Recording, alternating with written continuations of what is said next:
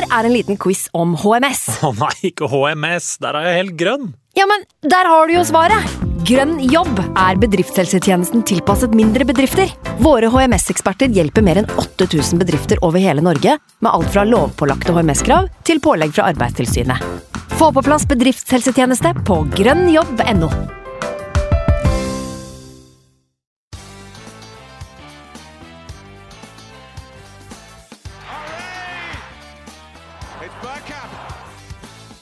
Now. The next station is Arsenal. Hei og velkommen skal du være til en splitter ny episode med Arsenal Station med Magnus Johansen og meg, Simen Goffeng. Det smerter skikkelig nå, når følelsen av håp og tro har rukket å bygge seg opp eh, bare for å gjøre nedturen enda vondere. Til og med superpessimisten Magnus hadde jo begynt å tenke de helt store tankene, men etter to strake fiaskoer og en lillebror i hvitt som heller ikke er til å kjenne igjen, så har det dessverre gått eh, knallhardt utover en stakkars korkopptrekker i det siste. Ordene mine er nok ikke tilstrekkelige i en sådan stund, så Erik Bye, take it away. Mangt har dagen skjenket oss Oi. av stort og smått. Mer kan hende oh, enn vi har forstått.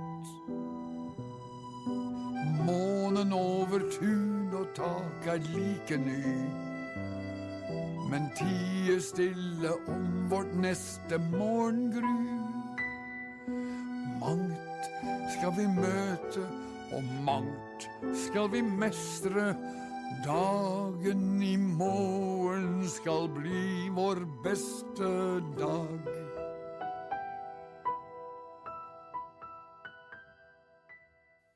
Oi. Jeg vet Ja. at eh, du har kjent lørdagens tap eh, noe skikkelig, Magnus.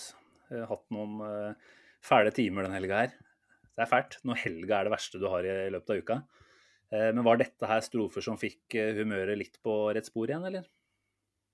Ja, altså, det her kommer helt uforberedt på meg, da. Eh, og du vet jo at jeg er glad i Erik Bye. For at jeg, når jeg fikk i meg litt for mye øl, så begynte jeg å spille Erik Bye-låter på hotellrommet i London for noen uker siden. Det er sjukt.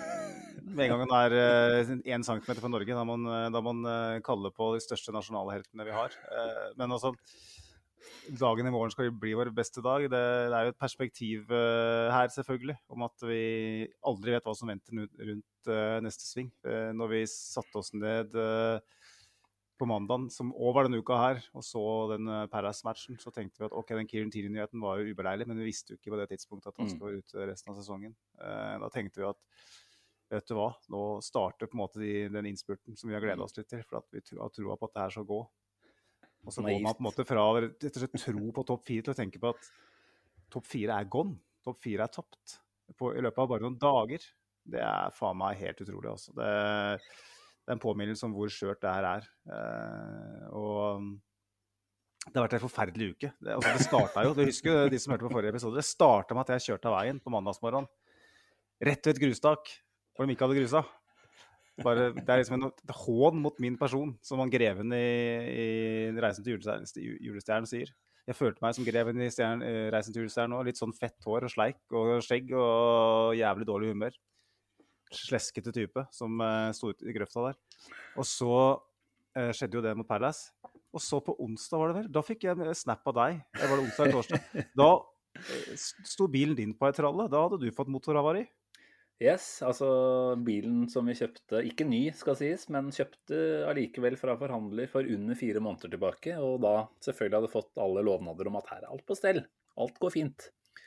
Plutselig så var det lavt oljetrykk og rett opp på bergingsbilen, og den fikk vi tilbakemelding om at den hadde ryket skikkelig, så den ser vi ikke i beste fall før etter påske. Så da blir eh, også hytteturplaner noe mer utfordrende å få til. Så det har ikke vært noen drømmeuke, det har ikke det.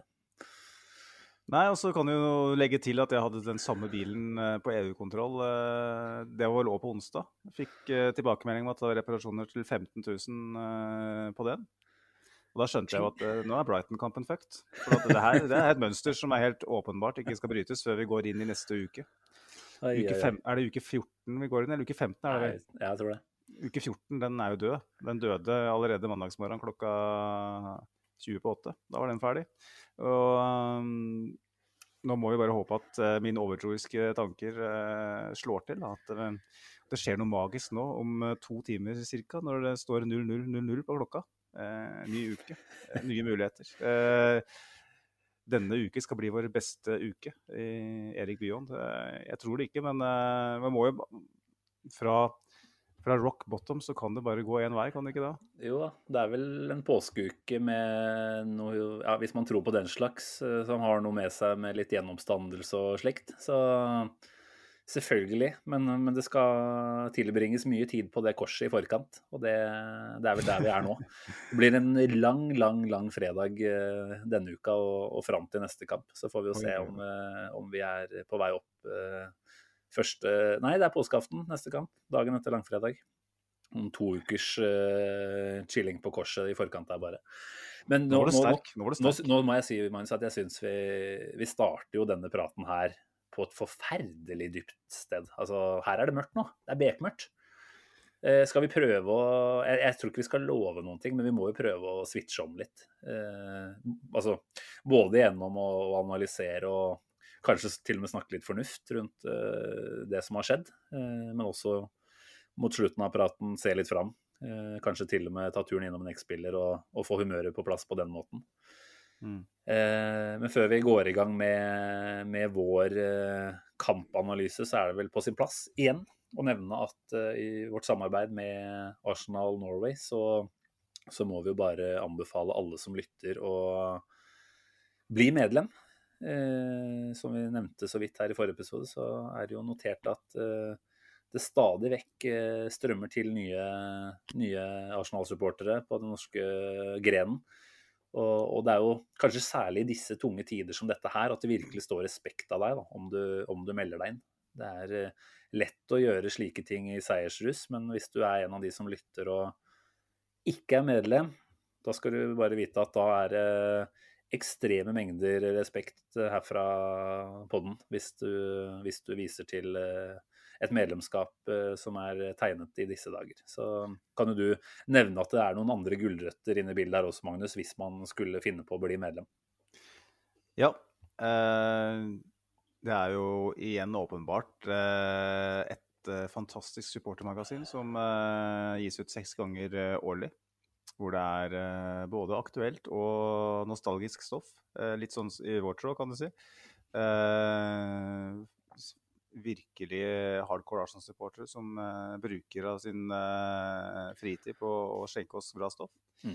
Så har du selvfølgelig avtalen med fotballbutikk.no, hvor du får 15% på supportereffekter hvis du er medlem i supporterklubben. Og, og, der, og, der, skal du si at på supportereffekter så er jo Arsenal best i klassen.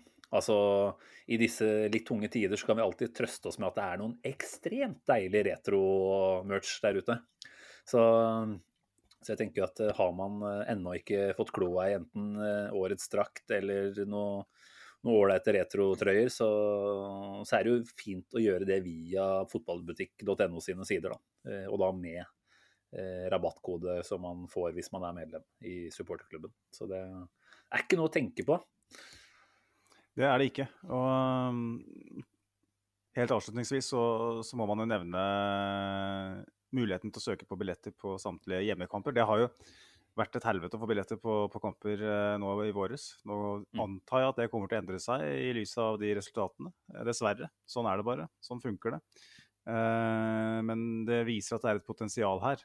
Eh, at hvis Arsenal virkelig får sving på sakene, så er ikke det å få billett på hjemmekamper så det enkelt. Mm. Da er et medlemskap i Arsenal Norway en kjempemulighet til å faktisk sikre seg det. Det er klart det er ikke noen garanti hvis det blir kjemperift, men er, du søker to måneder i forkant, og eh, du har veldig god tid på deg til å skaffe andre løsninger hvis ikke det funker. Så det er en veldig fin, uh, fin måte å være bortimot sikker på å skaffe seg på de fleste kamper.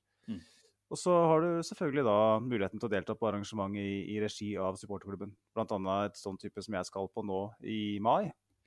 Eh, det er jo da i forbindelse med Elitekampen at, eh, at, det er fellestur. Og på lørdagskvelden, så, for den er flytta fra fredag til lørdag mm. eh, nå. Kampen er flytta fra lørdag til søndag? Nettopp. Så da blir det god mat og godt drikke med norske Arsenal-supporter på Emily Stadium, med sannsynligvis et besøk av en tidligere Arsenal-spiller, sånn jeg forstår det. Så det er jo sånne ting, tenker jeg, det er Det blir jo rett og slett en fest uansett hva slags uh, status det er på det som skjer på banen i de dager. Så, så, vil jo det være en herlig samling med først og fremst norske supportere, da. Og, og kanskje til og med et OK gjesteinnslag. Mm. Så jeg tror ikke jeg skal annonsere at du driver og kjører noe live på den kvelden der, for da tror jeg du bare skal sitte og kose deg. Da blir det burger i senga, vet du. Så det, da har jeg ikke tid til ja, sånt. Savner det allerede. Det var bedre tider det, Simen. Det var det. Da, da, gikk det bra sportslig, og vi lå i senga og spiste feit burger og nei, du vet du hva. Nostalgisk, det skal vi være, altså. Livet lekte. La oss uh, hoppe inn i det som smerter. Det er bare én måte å face dette her på, men det er med med kinnet imot og tåle den slappinga det er å snakke om dette her. For det, det, er jo ikke til å komme unna at uh, etter den Palace-opptredenen, som jo var på mange måter flau, eh, som vi allikevel på en måte klarte å kalle et slags arbeidsuhell, et kollektivt arbeidsuhell. Og det var liksom lett å tenke at OK, her har vi en del spillere som har vært ute på reise de har kanskje ikke fått den tida de trenger. Og vi møtte ikke minst et godt Palace-lag. Så skulle vi liksom få egentlig en alle tiders mulighet til å reise den såkalte kjerringa, da. Eh, hjemme mot et Brighton-lag som jo har vært forferdelig dårlig eh, i mange uker. Omtrent ikke skåret mål de siste månedene. Eh, hjemmebane der, hvor vi har vært egentlig Ja, vi har vel vært nest best, eller tredje best i ligaen. Mm. Slags sånn festningsfølelse da, om Emirates. Eh, vi, vi, vi, hadde jo en ganske så stor tro på at dette her skulle gå veien resultatmessig, til tross for at man hadde noen skader. Eh, men disse nevnte skadene da gjorde at det lagoppsettet som kom ut en time før kamp ja, Hva tenkte du om det? Var du overraska, og i så fall hva overraska deg? Jeg vet ikke om jeg skal si jeg var overraska, men jeg var skuffa. Mm. Eh, fordi jeg så igjen at, at Granit Xhaka ble flytta ned på venstre bekken. Og Nuno Tavares da åpenbart har mm. uh, i Arteta sine øyne ikke rett og slett er god nok for å være backup for Kieran Tierney. Det med andre ord å si at vi har egentlig ingen backup for, for Kieran Tierney, uh, som i seg selv er galskap. Uh, men så skal det få fullt spiller. Uh, da... Nei, du, du, kan ikke tolke det på noen annen måte enn akkurat det her. At han ikke finner Tavares god nok. Altså en Tavares som jo da har blitt tatt av da etter første omgang mot Palace, og det var jo hans eh, uh, Altså, det var jo hans eneste opptreden siden eh, Forest-kampen, hvor han ble tatt av etter en halvtimespill, eller hva det var. Drøy halvtime. Mm. Eh, det er jo helt tydelig at Arteta ikke er fornøyd med det han så han i begge kampene. Han har selvfølgelig vært ute og sagt at det var et taktisk eh, grep å fjerne ham fra, fra laget i pausa mot Palace. Og til en viss grad så kan du jo absolutt si at ja, det er det det er. Alle, alle bytter er taktiske. Men eh, ja, altså jeg også er absolutt av den kategorien som var skuffa over det. For jeg tenkte at i motsetning til i fjor, da, så har man jo faktisk denne gangen henta sin egen backup på venstrebekken. Eh, mm. Man har Altså, derav han har en ekstra venstrebekk. Det hadde vi ikke i fjor. Jeg likte fortsatt ikke løsninga i fjor, da Chaka ble flytta ned og man rokerte om på hele laget. Men som du sier, det er skuffende at det skjer nok en gang. Eh, så er det selvfølgelig veldig mye lettere å sitte her i ettertid og si at dette her kunne man nesten ane at det ville dukke opp. Men jeg tror det var ganske mange som eh, var av den oppfatning av at dette her er ikke det ideelle uh, måten å håndtere det fraværet på, allerede da vi så laget komme ut. Så var det allikevel en tanke hos meg i hvert fall at OK, vi spiller fortsatt mot Brighton hjemme. Det er muligheter for å, for å gå ut her og gjøre det vi skal allikevel. Men, uh, mm. men selvfølgelig, altså, det er jo ikke det at vi da først og fremst ikke er ikke har Tavares på banen, men det er jo det at Chaka blir flyttet vekk fra midtbane, som da heller ikke har en Thomas Party, hvor en ganske kald Sambi Lokonga blir satt inn, som skal sies hadde et OK innhopp mot eh, Palace, men da i et slags trespann med Ødegaard og Smith-Roe som indreløpere.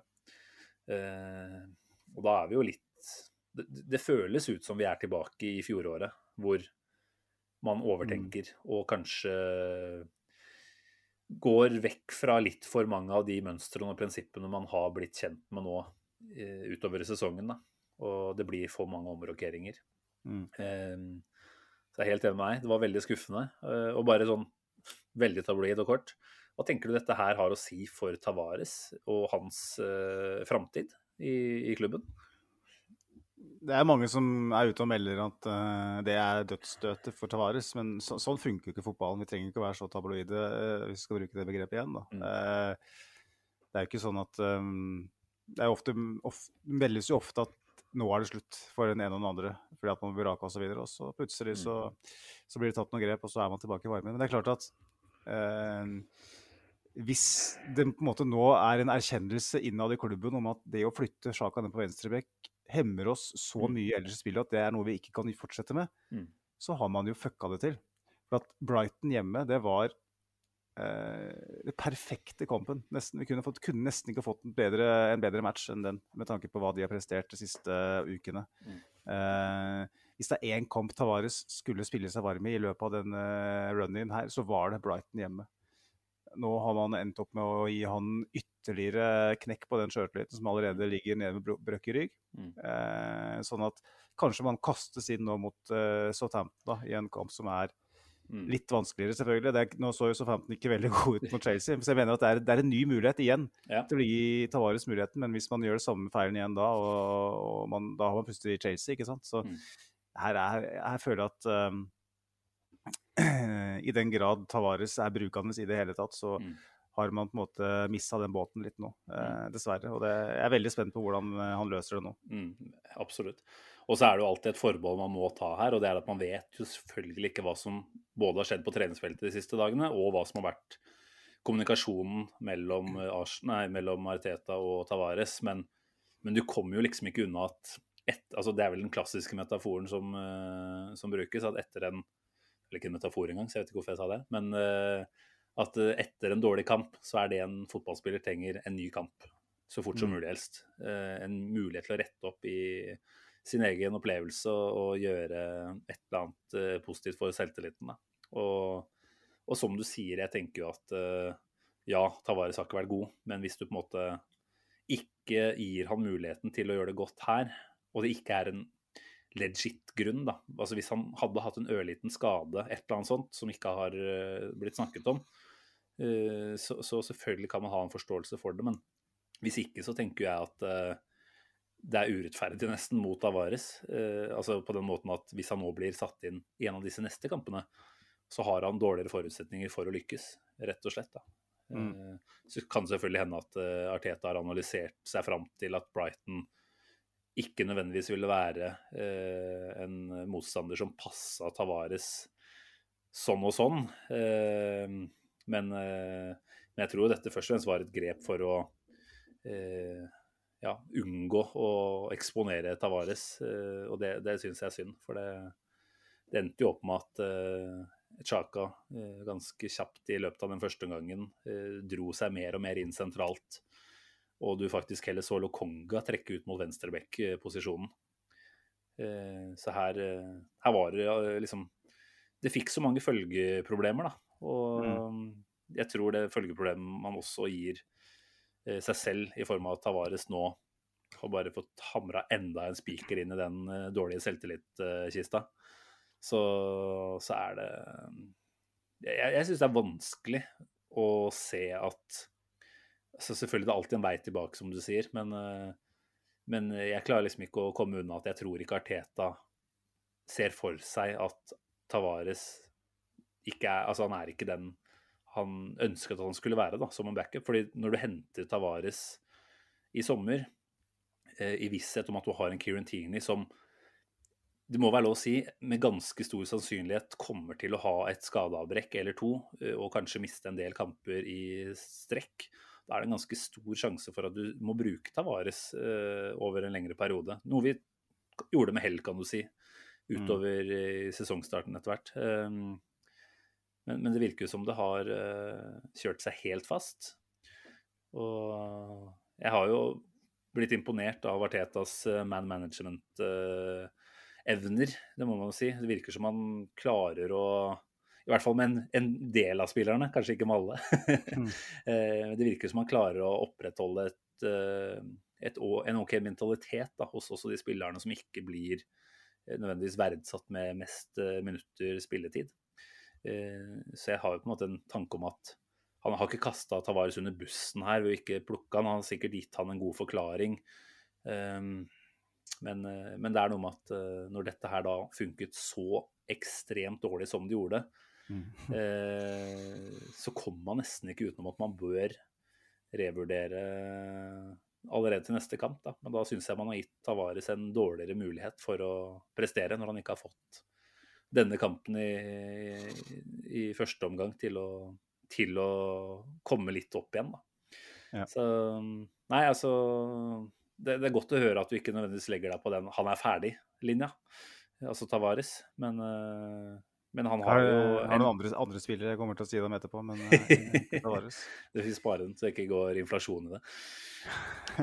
ja, nei, men Men altså Hvis man snakker om det Her har man en Arteta som på mange måter repeterer akkurat det samme grepet han gjorde omtrent på denne tida i fjor.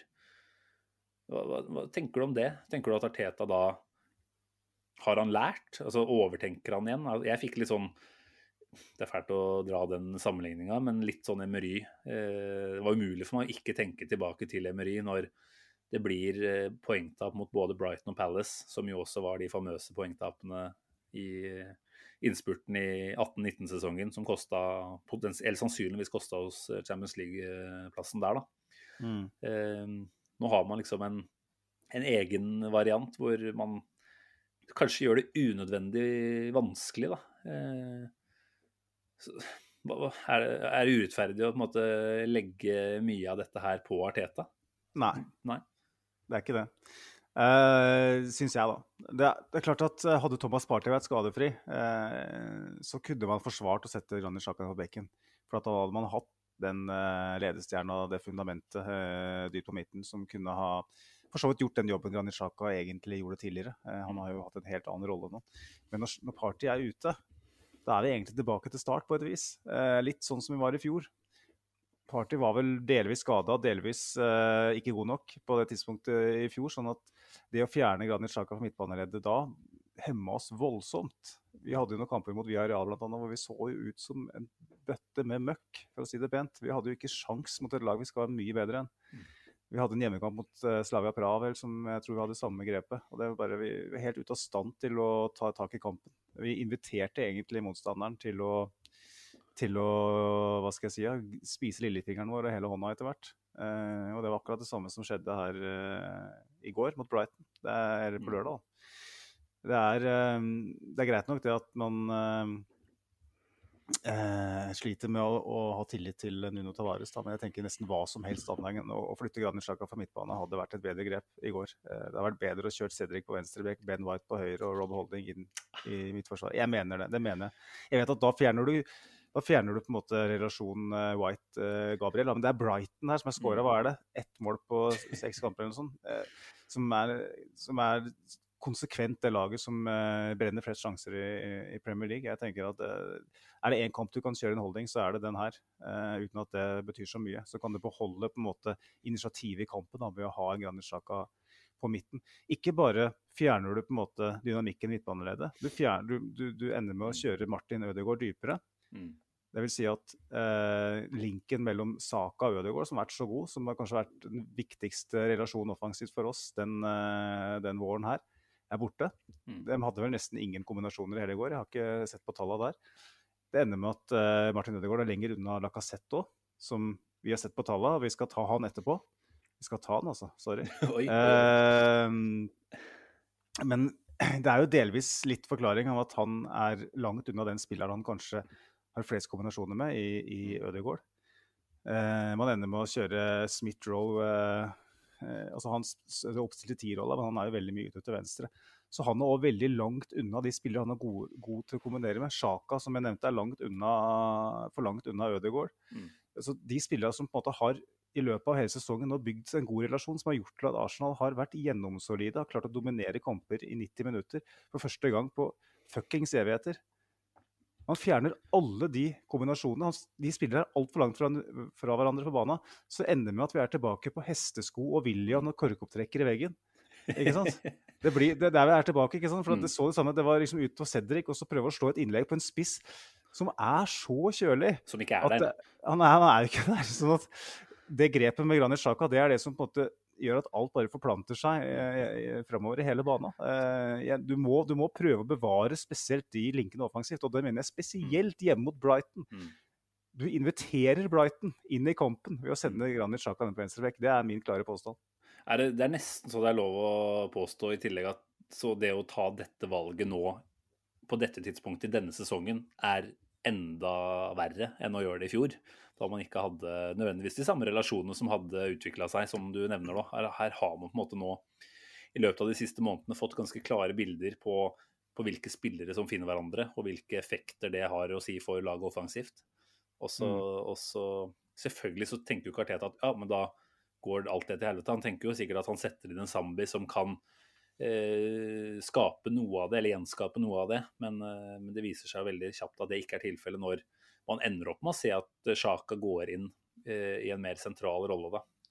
Og, og, som du sier, det man gjør ved å ha så lite eh, ja, rett og slett eh, godt samspill, det er jo at du inviterer et, eh, et, Brighton som ikke har selvtillit, inn i denne kampen. Eh, altså både mentalt, men også ved å da et, Vi er vel ute av struktur på den eh, første baklengsen, hvor hvor man eh, flytter opp laget og har en, et håp om at Lacassette kan jakte ned eh, et, eh, en pasning i, i, de bakre rekkene til Brighton.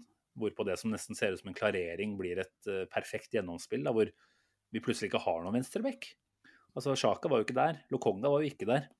Martinelli hadde ikke trukket ned dit.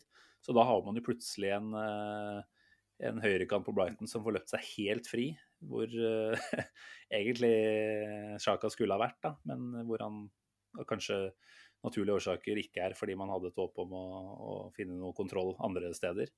Mm. Uh, så, så, vi blir jo rett og slett uh, det, det, blir jo nesten litt sånn småflaut når det blir på den måten der. Jeg, jeg så noen som skrev at nei, dette var et Arsenal-lag som, som ble spilt ut. Jeg, jeg syns jo ikke det er det. Jeg syns jo Det er bare at vi, vi, vi, har ikke selv noe som helst å komme med, nesten, da, før helt på slutten. Um, så nei, for meg så var det her uh, Altså, det var en skuffelse med tanke på at jeg trodde kanskje Arteta hadde funnet ut at dette ikke funket. At han hadde blitt såpass godt kjent med laget at hvis jeg gjør dette grepet, så må jeg kanskje forvente at noe negativt også kommer til å skje. Mm. Eh, åpenbart så hadde jo han noen forventninger om at det skulle slås tilbake eh, hardt etter den kampen mot Palace. Eh, men, men, da tenker jeg at for at spillere skal kunne eh, få muligheten til å slå tilbake i enhver duell, da, så må de også på en måte plasseres riktig ut fra startblokkene i forhold til å, å havne i de situasjonene de skal havne i. Jeg følte at det var altfor mange spillere i feil posisjoner som aldri fikk de de situasjonene de er best i. Og da, da, da, spilte vi oss eh, Ja, vi spilte jo egentlig bare på oss mindre og mindre selvtillit. Og Brighton mer utover i den første omgangen her. Det var jo en første gang fra helvete, rett og slett. Mm. Eh, og så kan vi jo bare da kort nevne at vi ja, burde vel egentlig strengt tatt hatt en utligning rett før pause på denne corneren som eh, Gabriel eh, header tilbake i feltet, hvor Martinelli da kommer inn og, og får med målstreken. Eh, det var jo noen håpløse scener med VAR der som ikke hadde riktige vinkler. Og når man da mm. på banen gir mål Altså i første omgang, den, den annulleres jo ikke i utgangspunktet. Det, så vidt jeg tolka det, i hvert fall. Jeg vet ikke om linjedommeren var oppe med flagget der. Eh, mener at han ikke var det, nei. ikke sant? Når du da på en måte både går mot prinsippet clear and obvious og at uh, hvis man er usikker, så skal det gå angripende lag til gode. Mm. At de etter fire minutter med, med dårlige bilder klarer å bare gjette seg fram til at nei, men det var sikkert offside. Det må jo være lov å si at det også er nok en, uh, et kapittel i den forferdelige VAR-boka som vi har blitt veldig godt kjent med denne sesongen. her. Altså, VAR er jo Hele ideen med VAR er jo tufta på at man skal inn og fjerne de åpenbare, store feila. Sånn at man ikke ender opp i en situasjon og en stor kamp hvor det står mye på spill. At man på en måte gir eller annullerer et mål, eh, eller, et, eller man gir et rødt kort som er helt riv ruskende galt og feil, sånn at det blir urettferdig. Mens situasjoner som er tvilsituasjoner, det skal man i den grad det er mulig hele veien prøve å unngå å gå inn i. Så jeg føler at, altså, Nå skal vi ikke ta hele diskusjonen, men jeg føler at dommerne i Premier League, og det overrasker meg ikke, har på en måte feiltolka Mm. hvor hele ideen med VAR. Mm. Den bruk, altså, VAR er ikke til for å gå inn og, og se på millimeter eh, i en sånn situasjon. Ok, Offside eh, er jo litt mer svart-hvitt enn mye annet, men her er det så mange faktorer. Her bruker man fire minutter Ja. på å prøve å annullere en, en scoring. Og da har, man, da har man misforstått hele ideen med VAR. For meg så er det, det er en, en skandale, nesten, at man får Mm. holde på på den måten der. Eh, Og det er jo et uh, poeng som på mange måter drukna litt i den dårlige prestasjonen. Og det er både til å forstå og egentlig til å like, fordi det var så mye annet som var feil i denne kampen. Uh, Så jeg tenker at det blir å lure oss selv litt å skulle sitte her og si at uh, det var det som var hovedproblemet. For vi, vi burde jo selvfølgelig ikke havne i en situasjon hvor disse marginene igjen blir så små at de blir avgjørende. Men eh, det er klart når man tar en titt på de marginene Tottenham har hatt med seg de siste ukene nå, så er det jo ikke noe Jeg beklager at jeg tar det opp.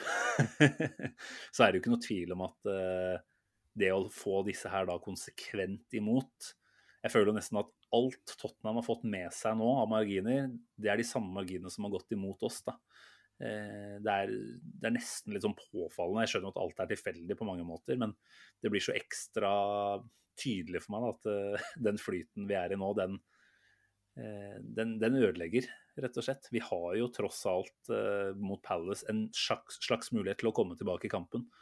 Vi har jo da også i denne Brighton-kampen den muligheten om vi får et mål før pause. Det gjør jo selvfølgelig noe med momentum inn i andre omgang. Så, uh, så ja, det er en forferdelig prestasjon, og det er den vi skal ha hovedfokus på. Men, men uh, når du ikke får noe hjelp av marginene heller, så blir det, da blir det vanskelig. Mm. Dessverre. Gjør det. Gjør det. Og det mm, Jeg tenker den kampen her kunne vi fort ha funnet på tapt eh, selv uten Ja. den avgjørelsen. Eh, og det er som du sier, vi er nødt til å komme oss tilbake i en situasjon hvor marginene er eh, annerledes i en, sånn setting mot sånne type lag, spesielt på hjemmebane. Det, det minner veldig om, som du var inne på innledningsvis, eh, høsten 2019 og høsten 2020. Et Arsenal som Eh, hvis, du, hvis du bommer på en sjanse, så føler du at der er kampen tapt. Som om det skulle vært en storkamp. ikke sant? Så, Mm. Men det er jævla frustrerende, for eh, det er noe med at eh, av og til så må man krype over mållinja òg. Av og til så er man i en situasjon som er veldig vanskelig, som Arsenal er i nå. Og da trenger man liksom at, at man får den lille dytten man trenger. Da, sånn at man på et eller annet tidspunkt Hadde vi vunnet i går, samme faen om Lacassette hadde snubla han inn med ræva. Så, så, Som jo er den mest sannsynlige måten han scorer mål på, egentlig. Det er den eneste måten han skårer mål på. Eh, så, så, vi, så ville jo på en måte stemningen ha vært høy nå. For da tenker Ja. man at OK, vi, vi, vi sliter, men vi har kommet oss gjennom den kampen her. Mm. Nå har vi ei uke på feltet igjen til å regruppere og finne opp kruttet. Mm. Eh, nå går man heller inn i en treningsuke hvor man tenker at eh, man må selvfølgelig finne opp kruttet, men man, man går inn med, med luta rygg og tanken om at det her, det det, det her, man er redd for å mislykkes. Det er det jeg tenker de sitter og føler på nå. Ja, nå, nå tenker jeg vel kanskje at eh, den følelsen av at ah, shit, her kan vi mislykkes, den var nok sterkere for bare to uker tilbake, da, før Palace-kampen. Altså, den, den rakk å bygge seg opp, den tanken der, i løpet av landslagspausen. Det var mange, som du snakket om i forrige på, det var mye fokus på at nå er Arsenal i en god posisjon, her er det noe å forsvare. Jeg tror ikke vi skal på en måte underslå dette mentale aspektet rundt det heller. At det kan ha gitt en liten sånn blokade eh, i, i hvordan man eh, får det til å flyte utpå der. Da. Og det er klart at nå, nå er det jo ikke vårt å tape lenger, egentlig. Nå er det jo, selv om vi på en måte selvfølgelig har den ene kampen til gode på Tottenham, vinner vi den, så er vi på samme poengsum, og da har vi det jo tross alt i egne hender, siden vi har det igjen. Men, eh, men jeg tror de aller fleste vil tenke at dette her er noe Tottenham sitt å tape. Eh, så det er på en måte der mitt ørlille håp ligger. At det på en måte skal skje en Nå har det switcha litt sånn brutalt om de siste par kampene. Og er det noe denne sesongen her har lært oss, så er det vel at det kan like godt uh, switche tilbake igjen nå. Uh, selv om nå er det en del omstendigheter rundt, da, dessverre, som ikke tilsier at det skal skje. Både for vår del, med tanke på at vi har en del skader, og for Tottenhams del, som jo da har kommet inn i en skikkelig flyt nå. Så Nei, det er, eh, det er ikke sånn sett så mye oppløftende tanker du, du, kan få herfra, fra den som skal være optimistisk. Nei, du skrev vel til meg på Messenger tidligere i dag at uh, pessim, pess, pessimisme er veien å gå. Uh, fordi at man stålsetter seg litt mer for sånt noe. Men uh, vi trenger ikke å gå ned i den kjelleren igjen. men jeg tenker, ja, takk. Ja, jeg bare tenker, ja, det var jeg tenkte jeg skulle ta med, med, innspill. Jeg vet ikke hvordan vi skal legge det opp, Simen. Om vi skal ta en egen bolk etter hvert og snakke oss ferdig om kampen, kanskje. For det, um, vi har fått såpass mange innspill i dag at det er nesten verdt å sette av uh, noen minutter bare til å ta med noen av, noen av de. Mm. Uh, lettere kanskje enn å drive bak dem inn, for vi snakker jo oss gjerne litt uh, gjennom ting uten å tenke over det. Yeah. Så um, jeg vet ikke Jeg, jeg syns vi har snakka oss rundt grøten nå. Vi har uh, spasert rundt den grøtbollen nå. Og smørøye det er en, uh, en fransk spiss som uh, Eller en eks-spiss, får jeg kalle det det. En tidligere fransk spiss. som ligger der og smelter i, i grøtbollen. og er i ferd med å bli en del av risen. dessverre. jeg tenker du skal få lov til å begynne, Simen. hva i alle dager har skjedd med Alex Lacassette? Ja, det kan vi jo Det syns jeg er dårlig gjort å nesten komme med, for det er for vanskelig å svare på. Eh, hva har skjedd her? Det er jo bare å spekulere i lange baner. Um, men jeg ser jo at vi har fått inn, bare for å ta det med en gang, da, i den, uh, i den uh, sammenhengen der, uh, så spør jo da Sebshi, altså Sebsi89 på Twitter, har Arsenals Premier, League, Premier Leagues dårligste spiss? Klarer ikke å se at omtrent noen lag stiller med dårligere enn Lakka på topp. Rett og slett helt grusomt å se på han. Og det at man på en måte begynner å dra fram det begrepet 'dårligste spiss', det, det sier jo noe om hvor langt han har eh, ramla ned, da. Eh, altså tidligere kjent som spiss, det er jo det vi på en måte kan si om han. En spiss som mm. skårer mål, det har han jo ikke vært på ganske lenge nå. Eh, men en spiss som til tross for det klarte å bidra til en del positivt. og og sørge for at en del av disse andre karene på laget fikk muligheten til å skinne litt i større grad. Og det, det gjorde han jo. Han hadde jo en bolk her på ni kamper og han hadde produsert sju målgivende, vel, var det? Mm. Så, så, det er klart at, Og vi skal ikke veldig veldig mange ukene tilbake. Men hva har skjedd siden Wolves-kampen, hvor han uh, fikk pressa fram den uh, seierskålen i 96. minutt? Hva er det som har skjedd? Uh, det er, eh, det er, egentlig en gåte for meg. Altså, man kan selvfølgelig si at han, han, bare ikke er bedre. Men han var bedre. Han hadde mer i futt i seg i uh, de ukene der. Uh, så, så jeg, jeg, klarer ikke å si at det er ikke fordi han ikke gidder lenger. Uh, men selvfølgelig så, så, må vi kunne ta med inn i ligningen her at det er en mann som etter alle solemerker ikke får det kontraktstilbudet han kanskje skulle ønske fra Arsenal, som nå når det nærmer seg sommer, kanskje begynner å ha eller Eller følerne har de nok hatt ute lenge, men begynner å få tilbakemeldinger fra agenten sin om at denne og denne klubben har dette og dette tilbudet. Eh, kanskje har en tanke om at dette prosjektet Arteta er jeg ikke villig til å ofre alt for. Altså, jeg syns bare det, jeg hører at det er litt uh, dårlig gjort av meg å si det, men det er måten han går inn i press på, altså i den Brighton-kampen her, syns jeg det skjedde mange ganger. Han er på en måte på vei mot forsvarsspilleren for å, for å legge press før en klarering eller før en pasning. Men så, så, bremser han opp litt, istedenfor å gå inn med 100 eh, kraft. da. Som jeg syns han gjorde tidligere. Og, mm.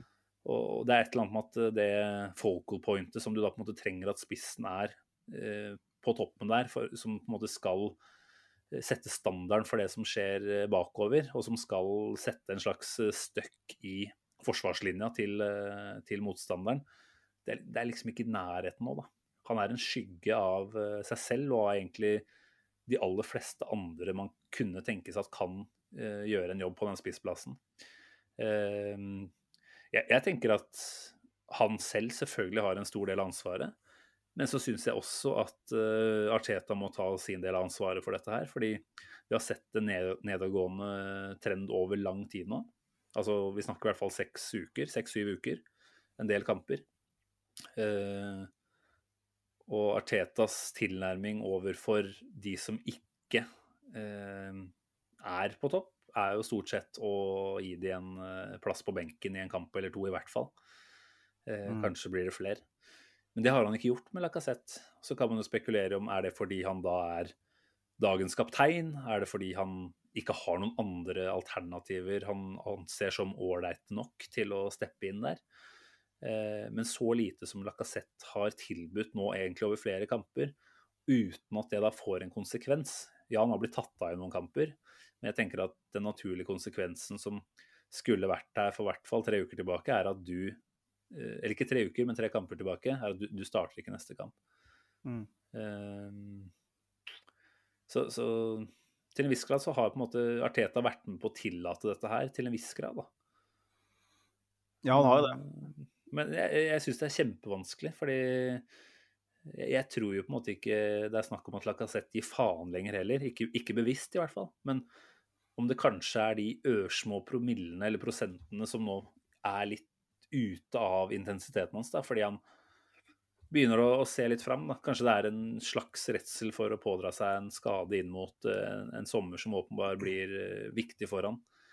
Uh, jeg aner ikke, men, men, at han, det han tilbyr nå, ikke funker, det er det ikke noen tvil om. Altså, vi har på en måte klart å slå oss fra den forventningen om at han skal skåre mål, men vi har på en måte tenkt at han jo, men det har vi jo. Vi har jo ikke, ja, ja. Vi har jo ikke gått inn i de fleste kampene om at han, han, er den som skal avgjøre kampen. Men vi har tenkt at han er i hvert fall en som skal bidra til at andre kan gjøre det.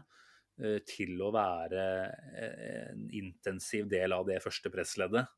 Gjerne da sammen med Ødegaard. Nå har vi ikke sett Ødegaard der heller i de siste par kampene. Eh, men, men jeg tenker at Lacassette nå, både mot Palace og mot Brighton, ikke bidra med noe annet heller. Altså, han hadde vel i, i Palace-kampen uh, en del feilpasninger. og ja, Han hadde vel noen pasninger flere enn det han hadde i Brighton-kampen. Men jeg så vel han var på så lave tall som syv eller åtte pasninger i, i, den Brighton-kampen her. Han er med andre ord ikke involvert nesten i det hele tatt. Og som du snakket om litt før vi gikk på her, så er han jo også rett og slett destruktivt involvert.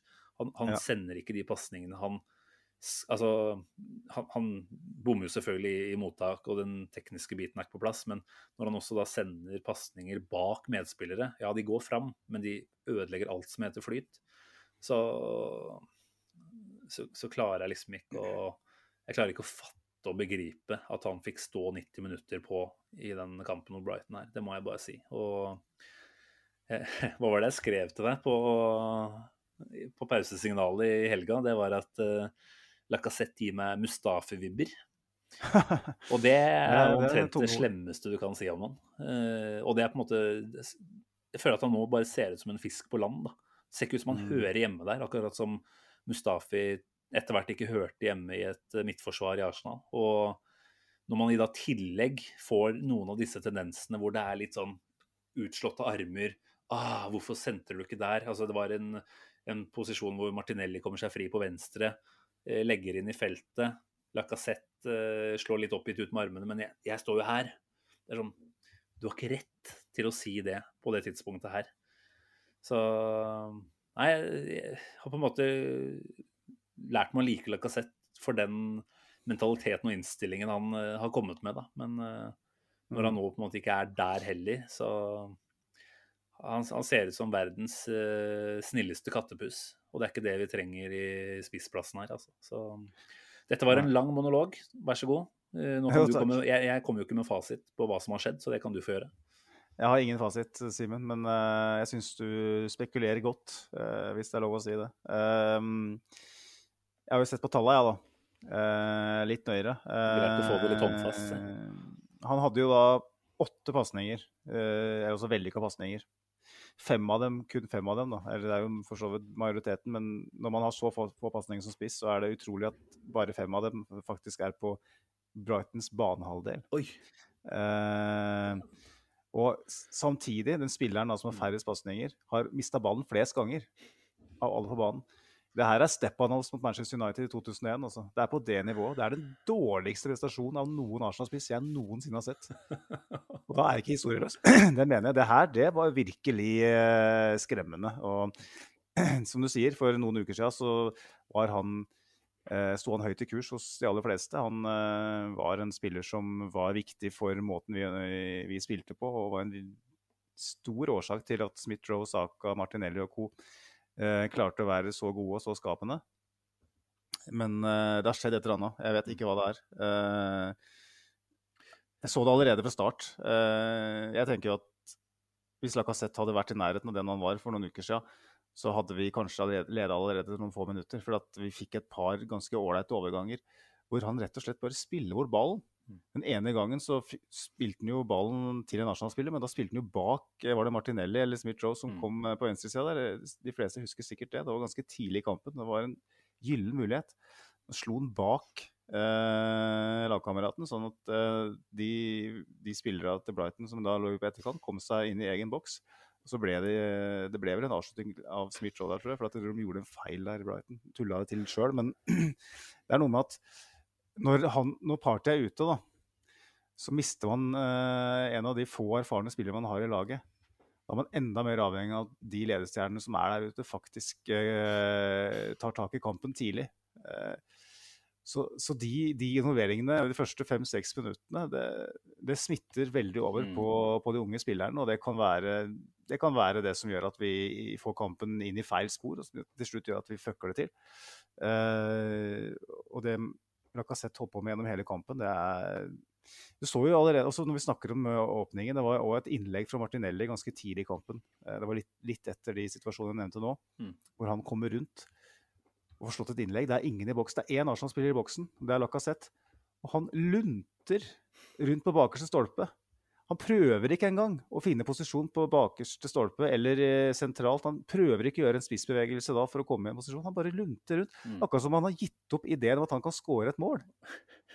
Altså, altså, det, er faktisk det er jo så, altså, Man kan jo på en måte bli uh, litt tatt for at man sager eh, enkeltspillere på den måten. Da, at man skal være forsiktig med å gjøre det. Men når jeg ser sånn som det der, mm. fra en som liksom skal være kaptein, det er han som går ut mm. først av Arsenal-spillere med bindet på armen når han holder på på den måten der, da blir jeg rett og slett provosert. Og jeg vet ikke om det er bevisst, men det er et eller annet som har klikka huet på den fyren der, eh, i negativ forstand. Mm. Det er et eller annet som ikke stemmer. Eh, fordi at det han holdt på med mot Brighton, det var som om det skulle vært ei uke Ayanapa i forkant. Altså. Han var helt ute av det. Og jeg mener nå Du skal få lov til å skyte inn etter hvert. Jeg mener nå at hvis Lacassette starter mot Southampton, da blir jeg provosert. Du mener at du blir provosert? ja, ja, ja. Det har du all mulig rett til. Det er ingen som skal frata den eh, følelsen du har til å bli provosert her. Eh, men, eh, men, vi er jo der nå. Det er det jo ikke noe tvil om. Og jeg er helt enig at han har ikke gjort seg fortjent til en start. Ketia har selvfølgelig sine store begrensninger, og vi har en del mangler der. Men han har nå i hvert fall i to kamper på rad faktisk kommet inn og vært en trussel. Han har hatt avslutninger på mål. Altså I den eh, Palace-kampen så hadde vel ikke Lacassette Han hadde én, tror jeg. Uh, og i Brighton-kampen så var det vel ti Arsenal-spillere som hadde avslutninger. og Lacassette var ikke en av de. Uh, Nkete kommer inn og har jo potensielt sett en poengreddende avslutning i det 94. minutt der. Mm. Jeg tenker jo at med han så får du i hvert fall en som har lyst til å skåre mål. For det er jo omtrent det man får litt følelsen av. At om det er Lacassette selv, eller om det er om det er Artetas uh, litt brutale dom over at vi, vi må ha en spiss som skårer mål til neste år. Og det er dermed han bare uh, sluppet seg helt ned på et nivå hvor han ikke ønsker å motbevise dette gang. Det, det mm. veit jeg ikke, men, men, jeg tenker jo at uh, i Enketa så får vi i hvert fall en trussel. Uh, det kan godt hende at vi sitter om en uke her, har sett Enketia få sjansen fra start og sitter og rister forferdelig på huet. At tenker at dette her er like nakent. Men da har vi i hvert fall fått en slags uh, reaksjon da, fra, fra Arteta. Og og dette med at uh, form uh, er noe du på en måte hele veien må vise for å gjøre deg fortjent til plass, eller til en startplass, det, det syns jeg jo måte er et prinsipp som har viket helt vekk i, i tilfellet Lacassette. Jeg skjønner jo selvfølgelig at vi har en del mangler og en tynn tropp, og at det er vanskelig å være så prinsippfast ved mange av spillerne. Men, men det Lacassette nå har budd på over, over ganske mange uker, det, det er på et sånt nivå at vi har jo ingenting å tape. Altså, han har vært null bidragsytende. Og, og, da er vi liksom der at hvem som helst kan gjøre det like bra, i hvert fall. Du, du taper ingenting eh, på det. Og jeg klarer liksom ikke helt, selv om jeg sa det i stad, at, uh, at, dette med kapteinspinn skal ha noe å si, så, så, klarer jeg ikke å se at det er der det skal ligge heller.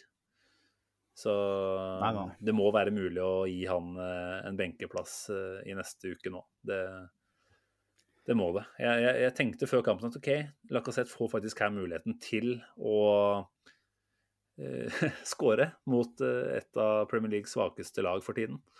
Eh, det er en kamp som potensielt sett kan få han litt på rett kjøl igjen. Men når han ikke er i nærheten av å benytte seg av den muligheten, så, så syns jeg han fortjener en ny mulighet. I hvert fall ikke neste helg. Nei. Men altså, det, det, er jo så spektakulært, den, eh, det stupet han har gjort fra den klippa som målskårer. Og jeg tenker jo at han er 30 år, altså. Mm. Jeg forstår det ikke. Så det er greit nok. Jeg, jeg, som vi snakka om, altså Jeg var pro Lacassette i elveren eh, egentlig helt fra Aubameyang og Arteta åpenbart ikke lenger var skikkelig på talefot. Eh, da tenkte jeg at uh, Lacassette gir oss iallfall en, en mm. funksjonalitet. Men han er fortsatt spiss, da. Mm.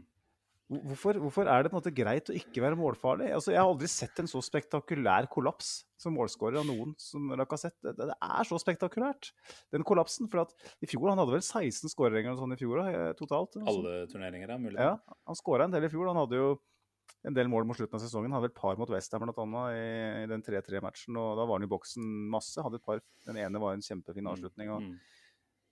Det er akkurat som, akkurat som, han Den måten han beveger seg i boks, måten han eh, forholder seg til eh, situasjoner hvor det kan bli mm. oppstå en målsjanse. Akkurat som han bare har gitt opp. Og det er sånn Hvorfor? Hvorfor ja, har de gitt opp? Jeg, jeg skjønner det ikke. Nei, jeg fatter det ikke. og jeg, jeg, tror jo absolutt at en del av dette her er at han har fått instrukser om å bidra mer i en annen fase av spillet for å gi Martinelli Saka muligheten i større grad til å komme i skåringsposisjoner. Mm. Men, men, jeg tenker jo som du sier at du kan ikke frita en spiss for det målskåreransvaret han tross alt også har, og må ha. Det er, sånn, det er sikkert en urettferdig sammenligning å trekke, og det er veldig lett å gjøre det nå etter at Benzema skårer eh, tre på Stamford Bridge. Men, men, selvfølgelig, når du ser en 34 år gammel Benzema som er nede på midtsirkelen, spiller et par pasninger, eh, slår ut i kanten, og så spurter han fram for å være på enden av det innlegget.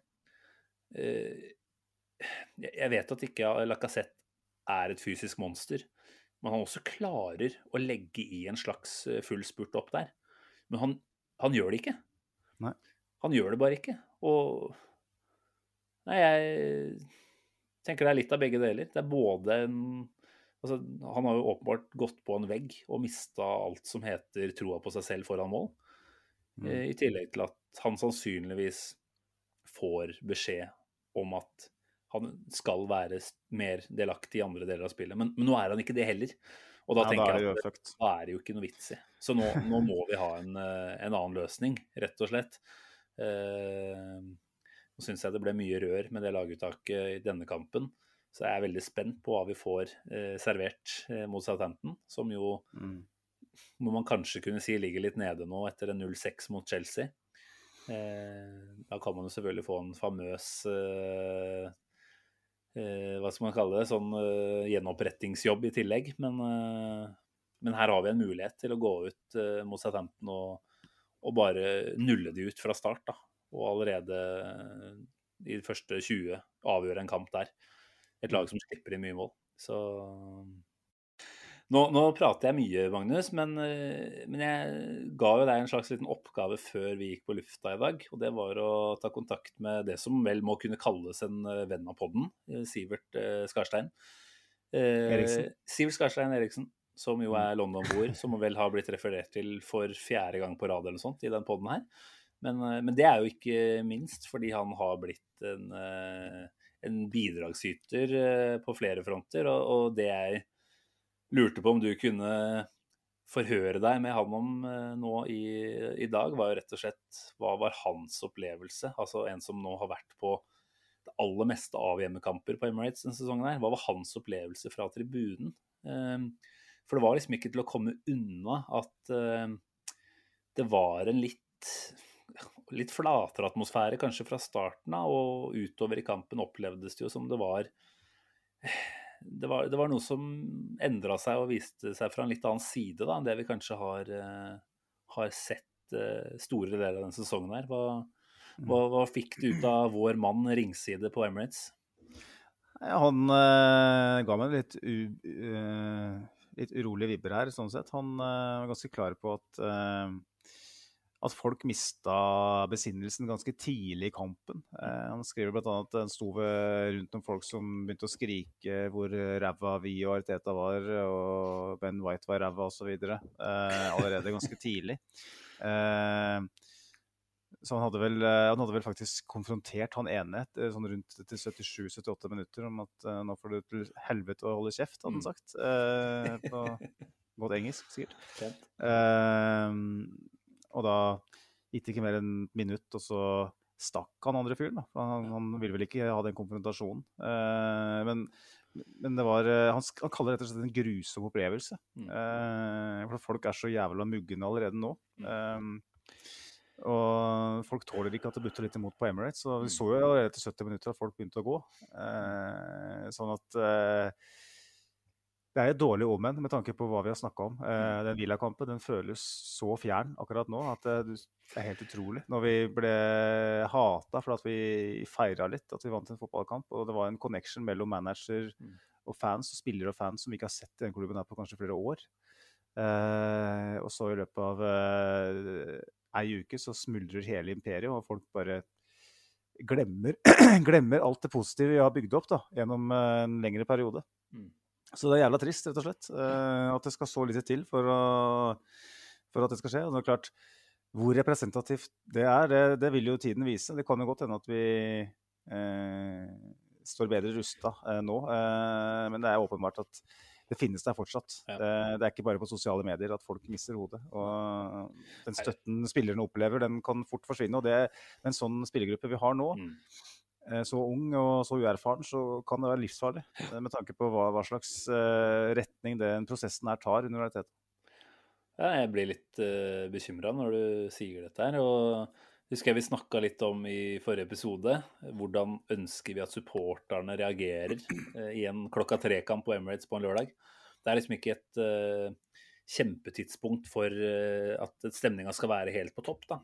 Vi snakka litt om at det er så viktig at man på en måte viser at man er bak laget her. Mm.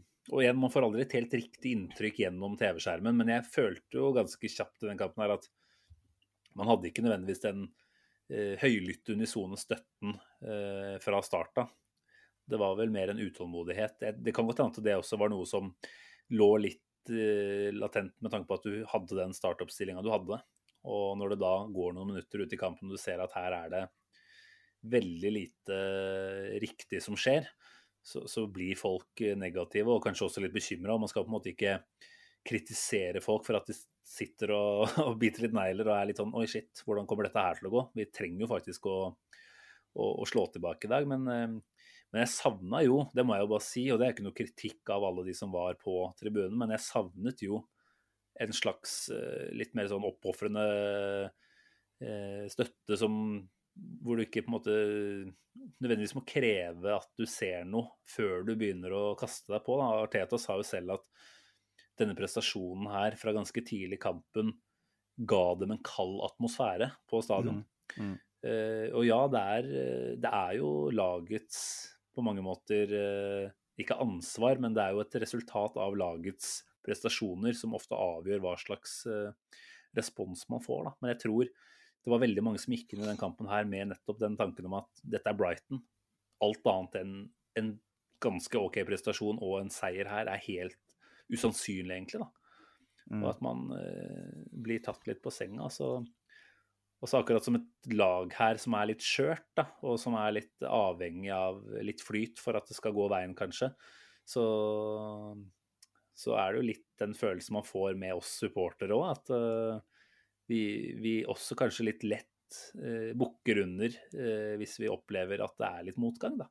Jeg synes det har vært i, i, noen kamper så har det vært det totalt motsatte. altså Liverpool-kampen var jo den mest tydelige, hvor man etter både 1- og 2-0-skåringen til Liverpool fikk en ganske eh, god respons med applaus og, og, sang da, til støtte for Arsenal. Mm. Men, men, da går man jo selvfølgelig ikke inn i kampen med den forventningen man har her heller, da. Så eh, ikke sant? Det, det, er ikke sånn at du skal på en måte av, ta av noe av ansvaret på spillerne for at ikke supporterne er helt i ryggen. Men, men, jeg tror du har et godt poeng når du sier dette med at dette er unge spillere som er på sett og vis litt mer usikre, da. Og som kanskje vil mm. oppleve mangelen på støtte, og kanskje også, i hvert fall når det blir mishagsytringer og, og sånt, da, at de opplever det eh, godt. På, eh, ikke godt, men de opplever det ordentlig. Eh, der litt mer erfarne kanskje vil klare å eh, stenge det ute, så, så, er det noe som preger. De har vært veldig tydelige på at den støtten de har opplevd, har prega dem. Og da vil det også være rart om ikke mangel på støtte og til og med da en del negativitet da, vil påvirke dem. Så Nei, jeg vet ikke. Hvordan hadde vi eh, sittet på Emirates på, på lørdag og, og, reagert? Det er jo helt umulig å si. og Det er ikke meninga å sitte her på en høy hest i, i stolen i Norge og, og, si at man hadde gjort det på en annen måte, men, eh, men, men jeg savnet en litt annen type inngang. Altså, det var, det var litt flatt. Da, og det, jeg, jeg, sa det der med at Klopp hadde vært så tydelig før den Watford-kampen til Liverpool at her trenger vi en, eh, en, hjelpende hånd fra supporterne for å gi den ekstra pushen. Og, og den tror jeg vi mm. definitivt hadde trengt mot Brighton også. Ja, altså, det er klart vi, vi som Arsenal-supportere, vi, vi preges jo av at vi har sett det her før, på en måte. Vi glemmer litt kanskje at, eh, at det her er et helt nytt lag eh, som har gått gjennom en kulturendring for nettopp å unngå slike mm, kollapser som vi dels er vitne til nå. Um, så Sånn sett så er det lett å, måte, å føle seg hjemsøkt av et spøkelse fra fortida. Uh, jeg er ikke noe bedre enn noen som helst andre, for så vidt. Jeg er nok kanskje bedre enn de som står på tribuna og kaster dritt, for det ville jeg ikke gjort når jeg er på stadion. Da er jeg veldig opptatt av at jeg skal vise støtte. Mm. Uansett, det er viktig. Men jeg sitter i min egen kjellerstue helt alene, da melder jeg at Rob Holding bør komme inn som spiss. At, at uh, Gunnosaurus eller Stuart McFarlane bør komme inn som spiss. Hvem som helst andre enn Lacassette. For man, mis, man, blir jo litt usaklig når man, uh, når man følelsesregisteret påvirkes såpass mye av et fotballklubb. Mm. Eh, og man har den bagasjen som man tross alt har, da. og så har vi snakka mye om det at de spillerne her i veldig stor grad har ikke vært med på den reisen de har ikke den negative bagasjen. De, de, kjenner, de, føler ikke det i beina og i kroppen at, uh, at nå er vi i ferd med å på en få en bølge mot oss av uh, mishagsytringer og, og, dritt. Tenker sånn som Martin Ødegaard, uh, Aaron Ramsdale, Ben White, som er nye for så vidt i troppen.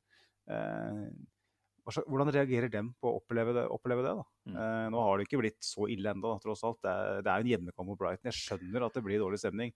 Men hvis vi på en måte fortsetter å underprestere nå, at det blir en sånn togstasjonsseanse på Stoke eh, igjen med Joel Campbell som får beskjed om at 'get out while you can' og sånn.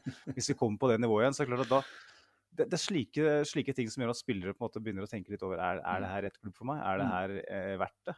Så ja det må jo en mobilisering til i bunnen igjen, da, og en påminnelse.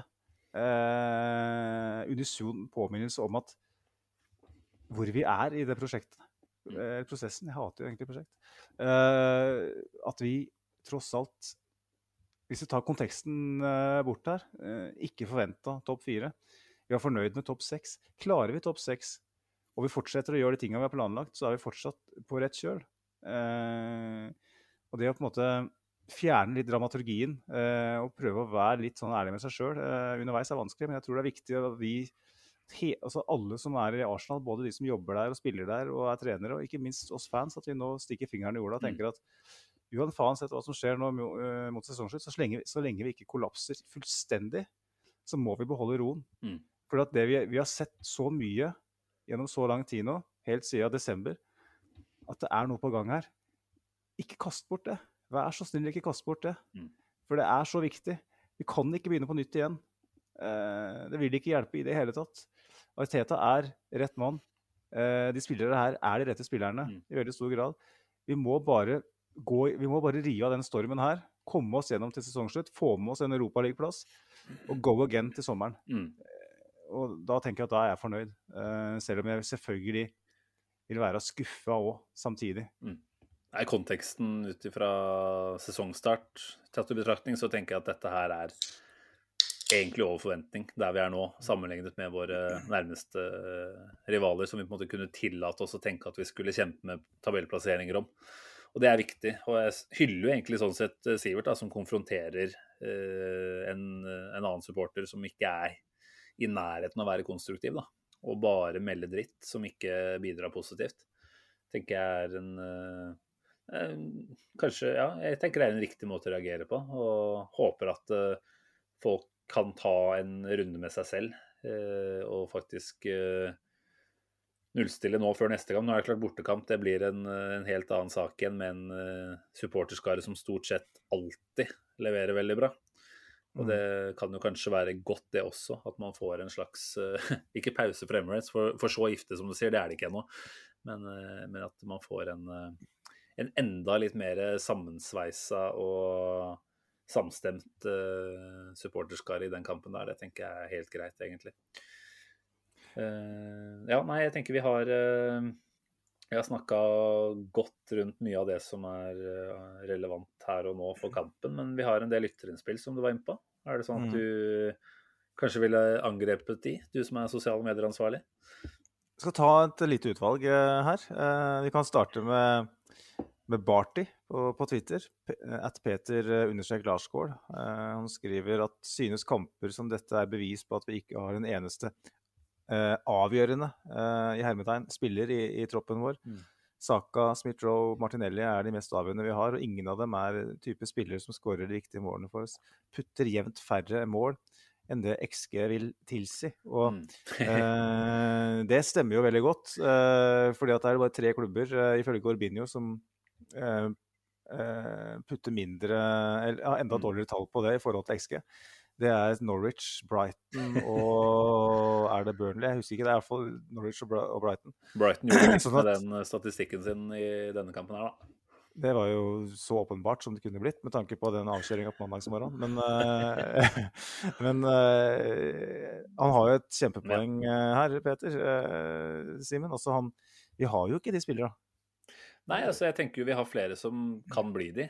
Og vi har sett prov på at både Martinelli, Saka eh, og Smith-Roe til en viss grad, kanskje til og med Ødegaard, har en del i seg som tilsier at her skal det være gode muligheter for å få ganske grei retur av målpoeng etter hvert. Da. Og vi er jo egentlig der allerede med flere av de.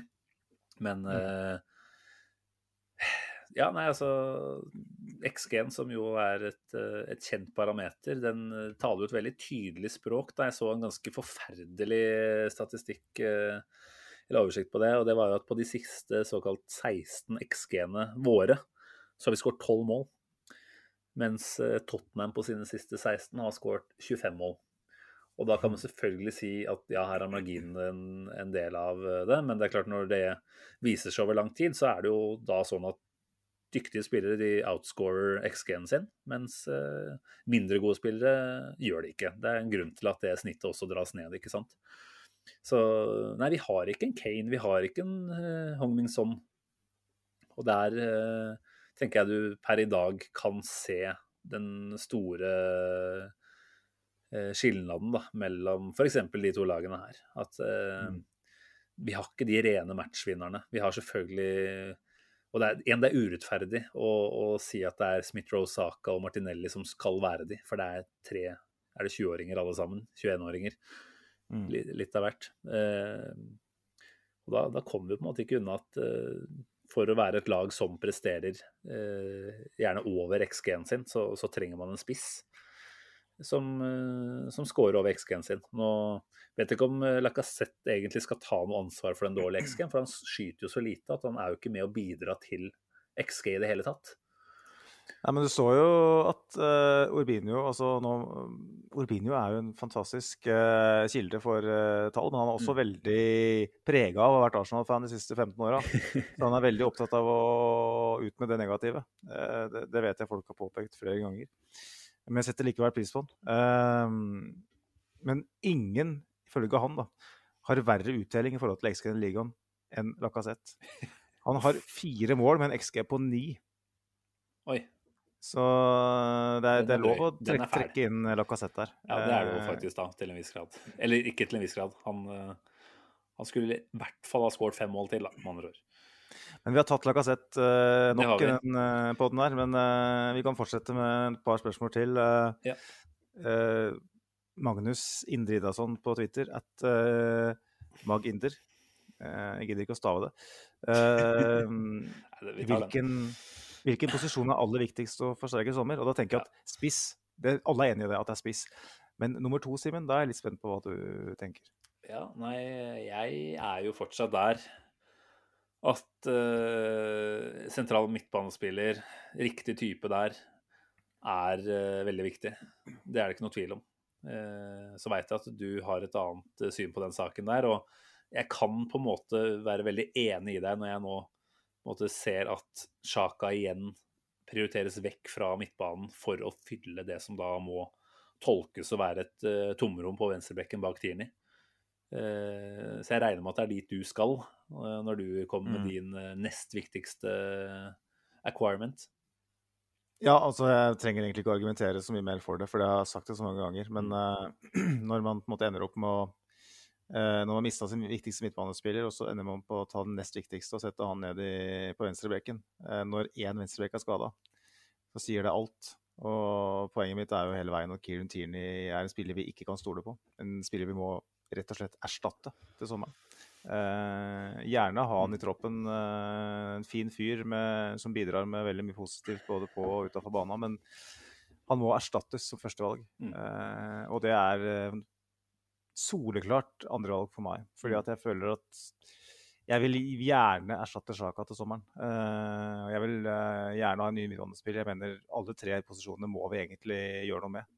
Men uh, venstreblekk før, mm. før, midtbane. Og okay.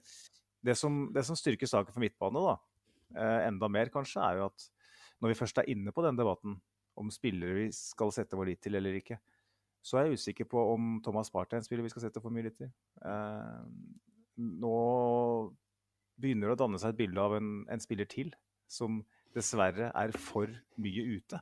Han hadde vel én kamp på tre sesonger ute, ska, ute skada i Atletico Madrid.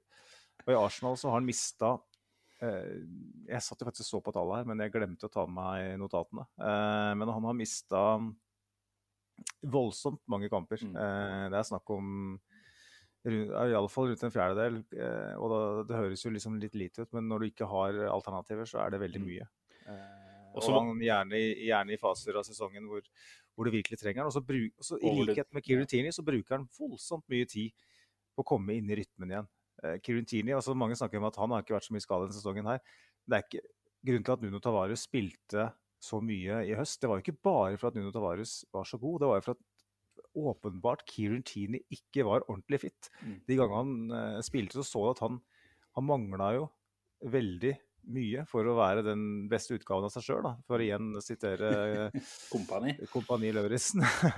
sånn at begge, også Thomas Party, jeg er veldig spent på hvordan man løser det. for uh, jeg mener at uh, snakkisen har hele tida vært hvordan skal vi erstatte Hvordan skal vi finne en ny åtter? da, En som kan spille i stedet mm. for Sjaka. Jeg tenker at når vi, skal, når vi skal hente en midtbanespiller i sommer, så må vi jo hente en som i tillegg kan gjøre partyjobben. fordi at vi kan ikke basere oss på at han skal være eh, skadefri hele sesongen. For det har han vist nå i dessverre i to år at han ikke mm. klarer. Og to år er lenge nok for meg. Det er lenge nok til å, til å ta den avgjørelsen. Ja, Det er i hvert fall farlig å ikke forholde seg til å måtte ta den avgjørelsen.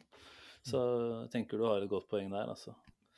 Altså, jeg bare bare for å ta to ord til om tierne, da. Altså, det er jo kanskje en av de store favorittene til de aller fleste fans, fordi det er så mye ved han som person man liker. Men jeg må jo si at Og jeg vet ikke om det er rettferdig av meg å bli skuffa over han, men når han da selv han må jo kjenne kroppen sin etter hvert, han òg. Han er en 24 år gammel fotballspiller som jo etter hvert har noen utfordringer med skader. Når han da går inn i den landslagspausen eh, frisk, for så vidt, men eh, med visshet om at det kommer noen ekstremt viktige uker med Arsenal etter landslagspausen, mens han har to ganske ubetydningsløse eh, landskamper, det var vel privatkamper begge to, med Skottland, fordi de ikke fikk spilt denne playoffen mot Ukraina. Mm. Hvor mye ansvar tenker du han selv har for å kan vi si, kommunisere til landslagssjefen? Eventuelt hvor mye ansvar bør eh, Arteta ta på å legge litt press på både Tini og, og Skottland-manageren på at her må vi kanskje kunne bruke huet nå. Nå har vi eh, for så vidt spilt han én gang i uka, det er noe han tåler, men nå kommer det nå to landskamper på fire-fem dager. Han endte jo da, som vi vet, opp med å spille 90 minutter i begge to. Ehm, det er mm. jævlig lett å være etterpåklok, da, men når vi vet at noe av det første som skjedde når han var tilbake på London Colony, var at han kjente noe i det kneet sitt. Noe han for så vidt hadde kjent også før landslagspausen, over en lengre ja, periode. Det er et viktig poeng. Da er det for meg også det er sånn, Du har et ansvar her. da, Vi har ofte snakka om at dette med å holde seg skadefri er en det er en viss uh, kvalitet i seg selv hos en spiller. Uh, og da er det ikke nødvendigvis bare det, den fysiologiske delen, men rett og slett den fornuftige delen. Når er det jeg trenger en ørliten break, da? Når er det jeg mm. bør kommunisere at akkurat nå tror jeg kanskje jeg beveger meg inn i en, en rød sone etter hvert. Risikoen blir litt stor. La oss være litt forsiktige, i hvert fall når det ikke er så mye å spille for. Uh, jeg, jeg bare syns at uh, Tierney kanskje selv skal ta et større ansvar her, da. Og kanskje at mm. da, da medisinske apparatet hos Arsenal også bør legge det litt mer press. Men dette er jo under forutsetning om at jeg ikke vet alt, selvfølgelig. Men uh, det virker jo som om det har vært en konsensus om at han har kjent dette i forkant. Og vi er der vi er i den sesongen her. Åpenbart en av våre viktige nøkkelposisjoner å bevare skadefri. Egentlig kan du si det om alle. Men ja. uh, Nei, jeg syns man skal på en måte være kritisk mot Tierney, og litt i tråd med det, da, så tenker jeg jo det er enda mer vanskelig å ha tiltro til at han vil holde seg skadefri også senere. Men det er jo en av de tinga som jeg har blitt tatt litt for, at jeg har turt å være kritisk til Kieran Tierney. Og det er liksom det at Arteta har vel òg uttalt at han sliter litt med å begrense seg i trening. Mm. Han, han er en type som eh, alltid gir 100 uansett. Selv om han ikke har kroppen til å gjøre det. Eh, jeg mener at han har et stort ansvar her eh, selv.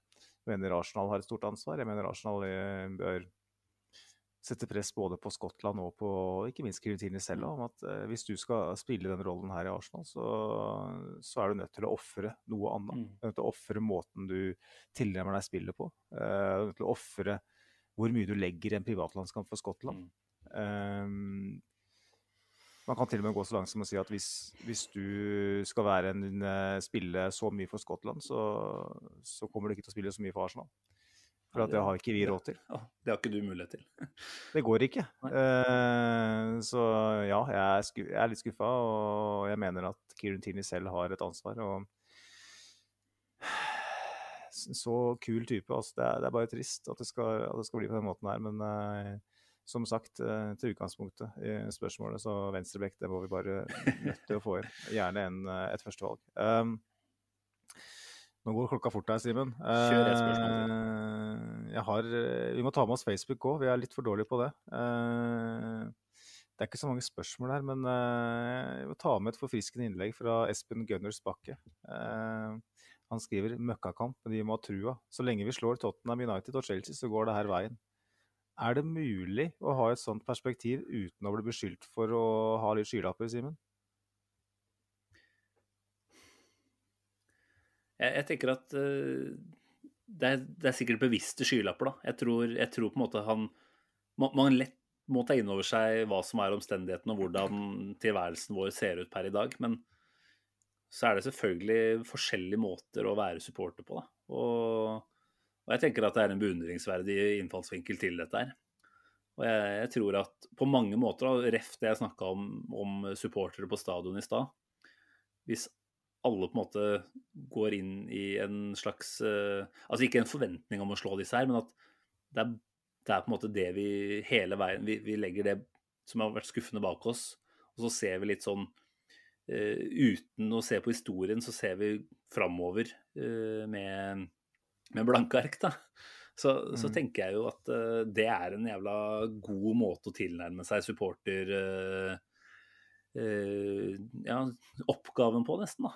Så jeg skulle veldig gjerne sett at Espen Bakke var på stadion de neste kampene. For jeg tenker at den energien som jeg da måte opplever gjennom de orda der, den tenker jeg bør smittes over. Altså Her er det på en måte hele veien en tanke om at det er en tro. Og jeg tror vi nå dessverre er i en sånn fase hvor vi får en stadig kortere lunte. Vi får en stadig mindre overbevisning om at dette her kan gå veien.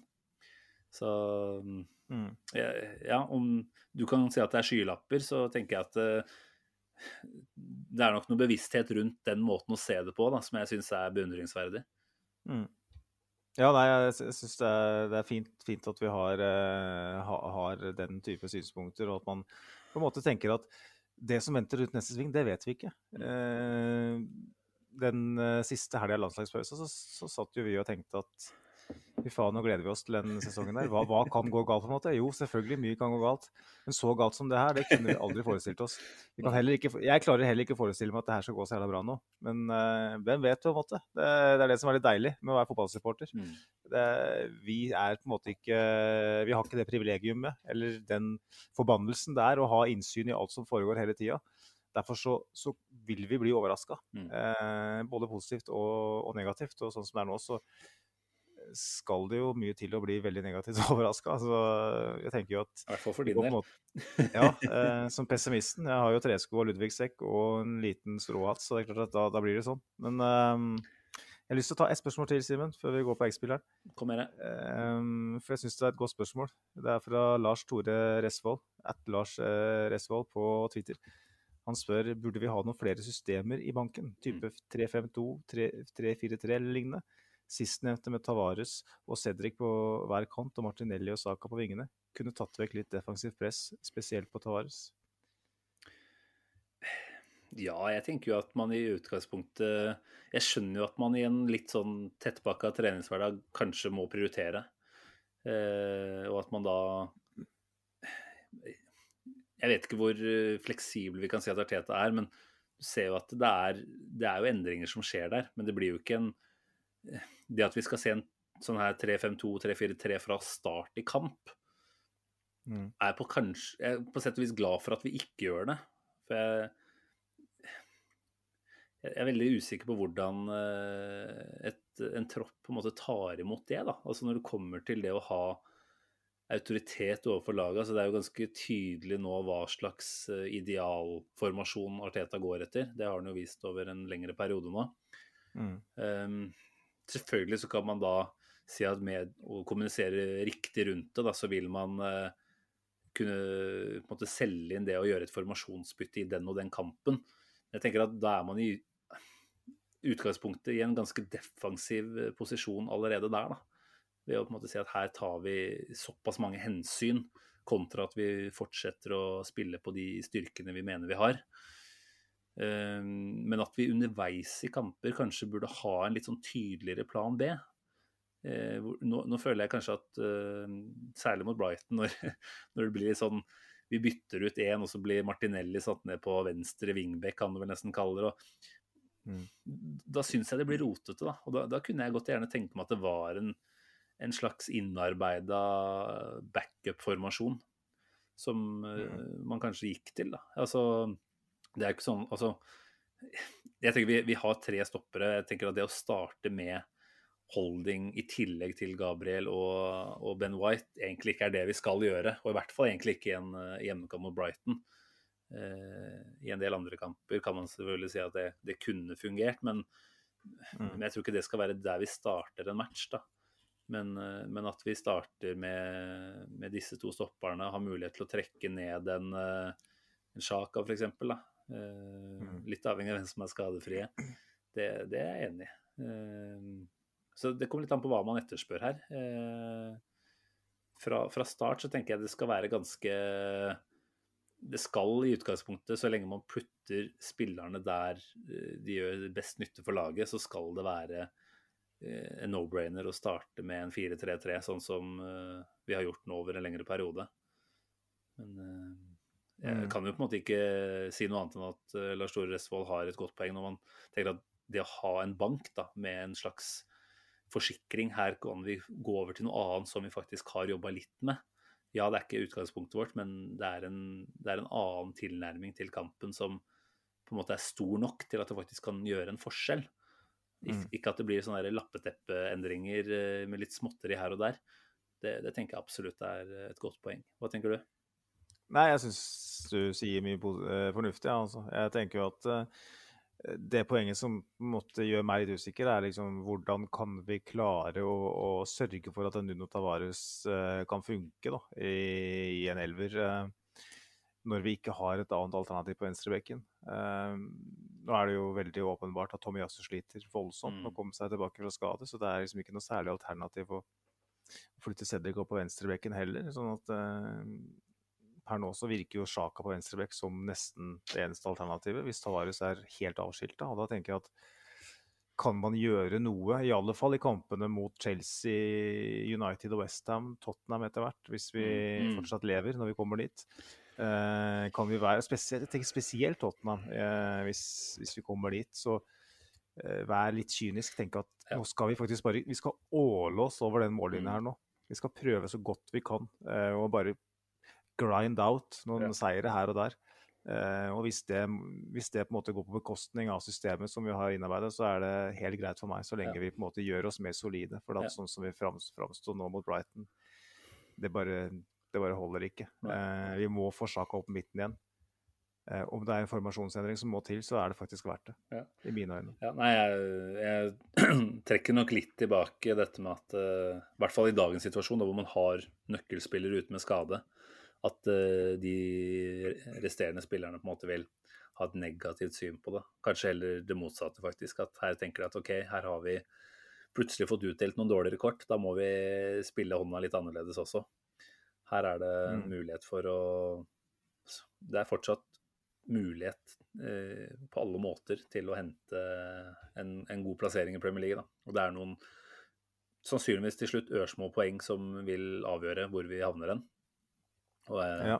tenker at uh, for en spiller å se at ok, her har vi en trener som anerkjenner at vi, vi har noen svakheter og noen mangler. For det er jo klart spillerne ser jo det, de òg. Det er ikke noe like for like uh, replacements inn her. Da må vi kanskje gjøre om litt på, på, på grunnspillet og grunnideen. Det, det er et mm. godt poeng, det, altså. Så, nei, vi skal vel sånn sett kanskje ikke, ikke avfeie det å bare velge en helt uh, en helt annen formasjon, som det jo tross alt er. Og som jo vi husker at Arteta gjorde i, i sine tidlige måneder. Det var jo mm. oppskriften på FA Cup-triumfen. Og nå har vi jo snakket uh, lenge og vel om at nå hadde vi så og så mange cupfinaler i vente. Og vi må håndtere det litt deretter. Det er resultatene mm. som teller. Det er kanskje ikke nå vi skal prioritere prestasjoner og, og slikt, da. Uh, selvfølgelig så er det en, uh, en slags likhetstegn mellom de to. Men eh, nei, det er godt mulig at eh, det er en, det er en veldig riktig tanke som kommer, kommer her. Jeg vet ikke, Simen. Nå klokken tikker noe uh, durabelig fort her. Uh, jeg har en X-spiller forberedt. Uh, den må vi ta nå hvis vi skal rekke den. Jeg har alltid lyst på X-spillerspalte, så jeg tenker at uh, nå har vi snakka halvannen time. Da er jeg egentlig ganske ferdig prata. Og da kan du få lov til å runde av med rosinen i pølsa. Så hvis du er eh, klar med, med, manus foran deg, så er det bare å kjøre på. Det blir ikke helt Erik Bye kanskje nå heller, men eh, du er mye nærmere han enn det er når det kommer til å sette sammen ord. Det blir aldri Erik Bye. Eh, det gjør det ikke. Det er det ingen andre som, enn han som blir. Men jeg skal være meg sjøl. Han er fin, han òg. Greit. Lett henslengt i en dyp sofa sitter en nedstemt 18-åring. Tidsriktige sneakers hviler på bordet, mens en grandiost gullkjede hvileløst tvinnes mellom fingrene. Det mumles ukvemsord mens blikket sporadisk streifer innom inngangspartiet. Der står to fullstappede trillekofferter, og snart skal en dresskledd herre med hatt ringe på døra. Destination Heathrow Airport. Ding-dong. Hm, var ikke det litt tidlig, da? tenker 18-åringen. Han åpner døra, og som Ludvig i Flåklypa utbryter han. Å, fy da! Eller hva det enn oversettes til på fransk. Det var ingen privatsjåfør som sto utafor. Det var en annen dresskledd herre. En herre 18-åringen helst ikke ville se. En han iherdig hadde forsøkt å unngå denne morgenen. Det var sjefen. Unggutten, som var dagens X-spiller, hadde rett og slett skulka. Han hadde begått grov tjenesteforsømmelse. Streik, arbeidsnekt, kall det hva du vil. Heldigvis var sjefen en brobygger. En kompromissenes mann. Unge mennesker skal få flere sjanser, var mantraet. Få minutter senere satt 18-åringen i bilen. Sjåførens destinasjon var Nord-London og ikke Heathrow. Sjåføren var Arsen Wenger. Arsenal skulle på bortetur, og spillebussen hadde nå venta lenge. Heldigvis kom sjefen tilbake med forretta sak med gullkalven i passasjersetet. Dagens X-spiller hadde reagert med vantro da sjefen på spillemøtet dagen i forveien hadde unnlatt å gi ham en plass i førsteelveren. Det var siste serierunde, og motstander var Derby. Unggutten forventa å få sin sjanse, sin første ligastart. Nå hadde han likevel, noe motvillig, akseptert sin rolle.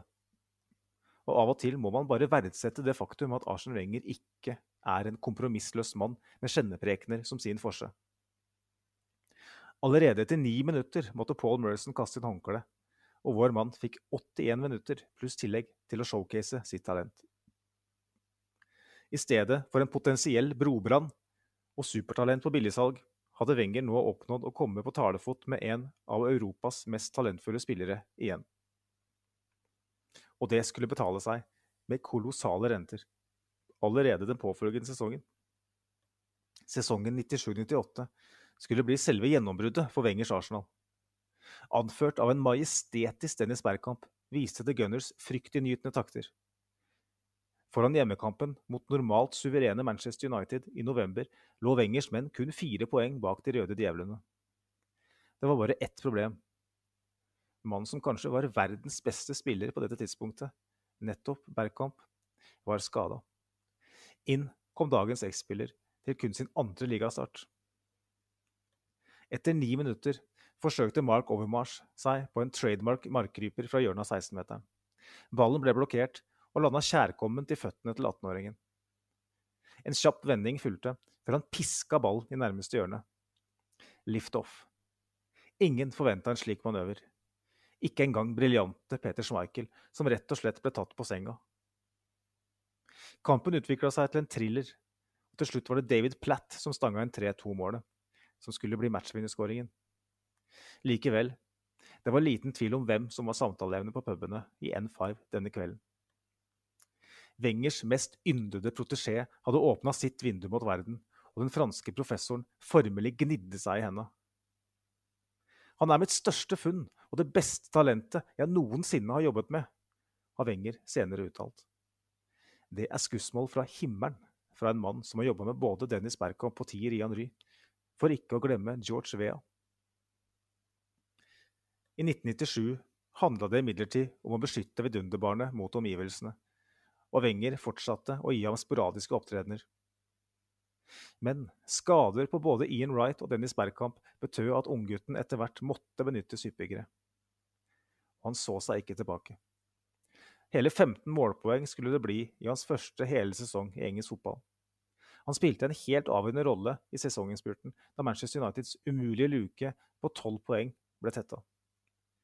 I tillegg skåra han det viktige 2-0-målet i FA-cupfinalen mot Newcastle på Wembley, som sikra Arsenals første dobbelttriumf siden 1971. For en sesong av Arsenal! For en sesong av dagens X-spiller. Og nå skulle det ta av. Legendariske Ian Wright flytta østover til Westham sommeren 1998, og nå var det franske supertalentet en selvfølgelig inklusjon i Arsenals elver. Han hadde alle fysiske forutsetninger, og han hadde i tillegg modna veldig som spiller. Kombinasjonsspillet, særlig med Bergkamp, satt som ei kule. Når han ikke selv var i skåringsposisjoner, var han orientert nok til å finne bedre plasserte rekkekamerater. Fem målgivende skulle det bli i hans tredje sesong. I tillegg banka han inn 17 skåringer. Han var helt ustoppelig. Utmerkelsen Årets unge spiller i Premier League kunne ikke gått til noen andre. For The Gunners sin del endte sesongen i skuffelse da sir Alex og co. gjenerobra tronen. Med ett fattig poengsmargin. Men i Nord-London søkte man trøst i det faktum at man hadde en stadig mer slagkraftig stall med en spissjuvel som hadde verden for sine føtter. Dette ble også lagt merke til hos pampene i Europas fotballelite.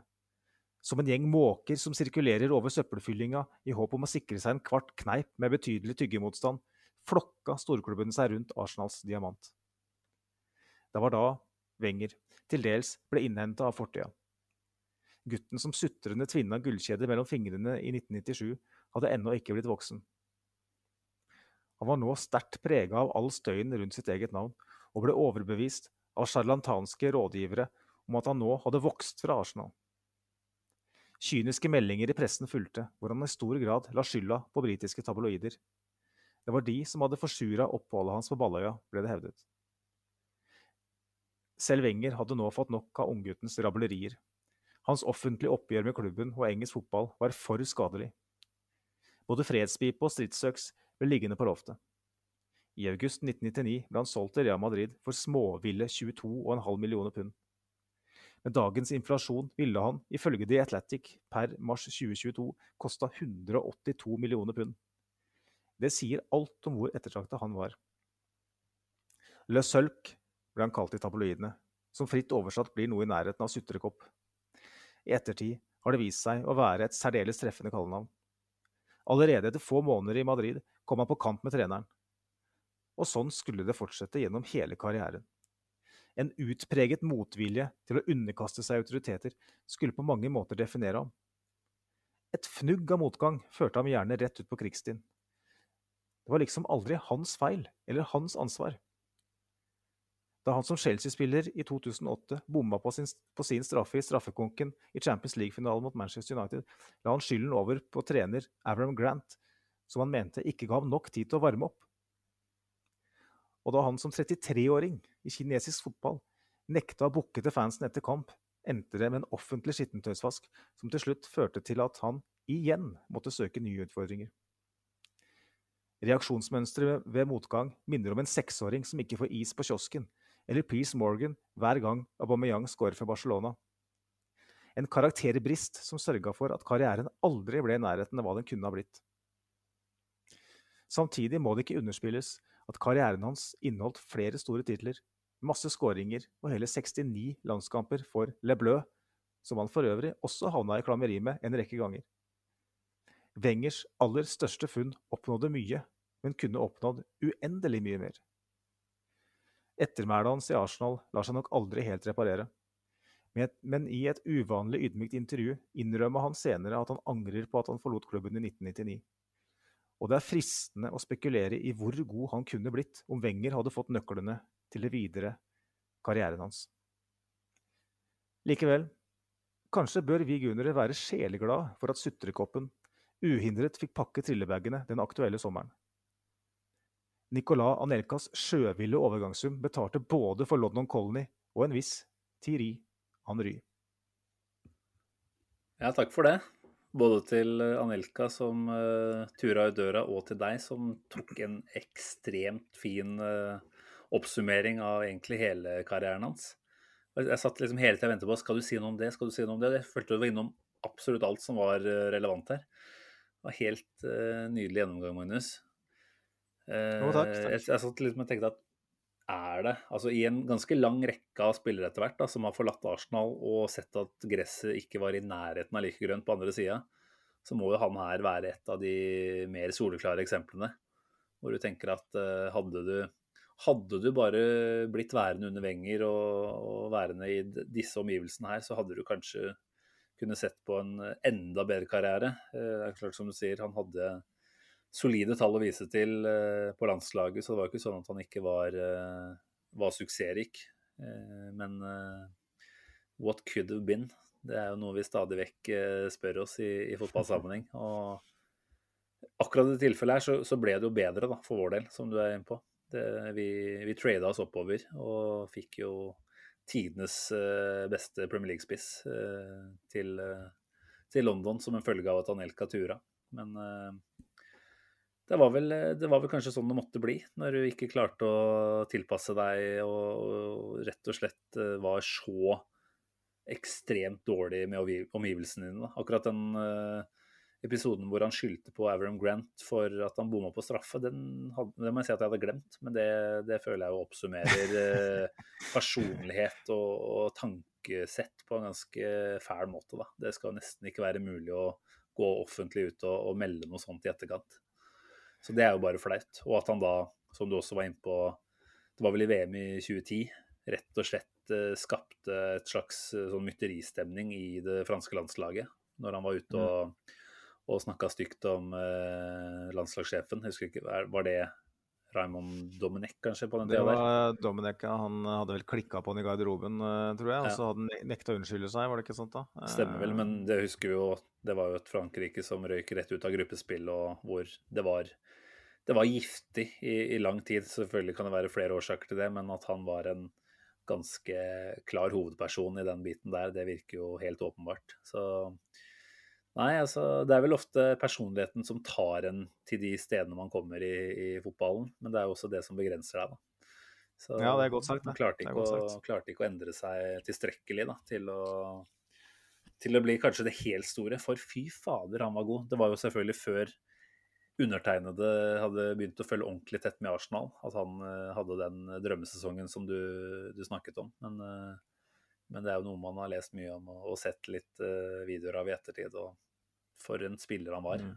Og... Ja, jeg, jeg, tenker skussmålene han får, veier nesten enda tyngre enn det jeg husker. altså jeg var jo Eh, på det stadiet at jeg så de fleste Arsenal-kampene, iallfall de som gikk på TV i Norge. Da. Det var jo ikke sånn at alle kampene gikk på TV på den tida, men eh, jeg husker jo at liksom, man nesten ikke forsto eh, at en 18-19-åring kunne være så mm. god og så komplett som han var. Han var jo ikke bare hadde han det fysiske, tekniske og alt sånt i orden, han hadde også på en måte den modenheten i spillet veldig tidlig. Så man tenkte at ja, det kan bli hva som helst. Så jeg husker jo at det var liksom, Vi snakker om de overgangsdagene med Vieira, men jeg husker at den, den sommeren med Anelka i 99, mm. den, var, den, var, heftig. altså. Det, jeg husker at uh, Arsenal Norway, altså Gunners Post, hadde en sånn tidslinje i bladet sitt. Oh, ja. uh, hvor man tok dato for dato for hver ting som ble meldt. I det bladet ligger en eller annen plass i huset. Det har vært artig å lagt ut det en eller annen plass. Det var hele det var, bladet sikkert, det da, hvis det var mye fram og tilbake? Ja, det, det, var i hvert fall, det var et par sider i hvert fall.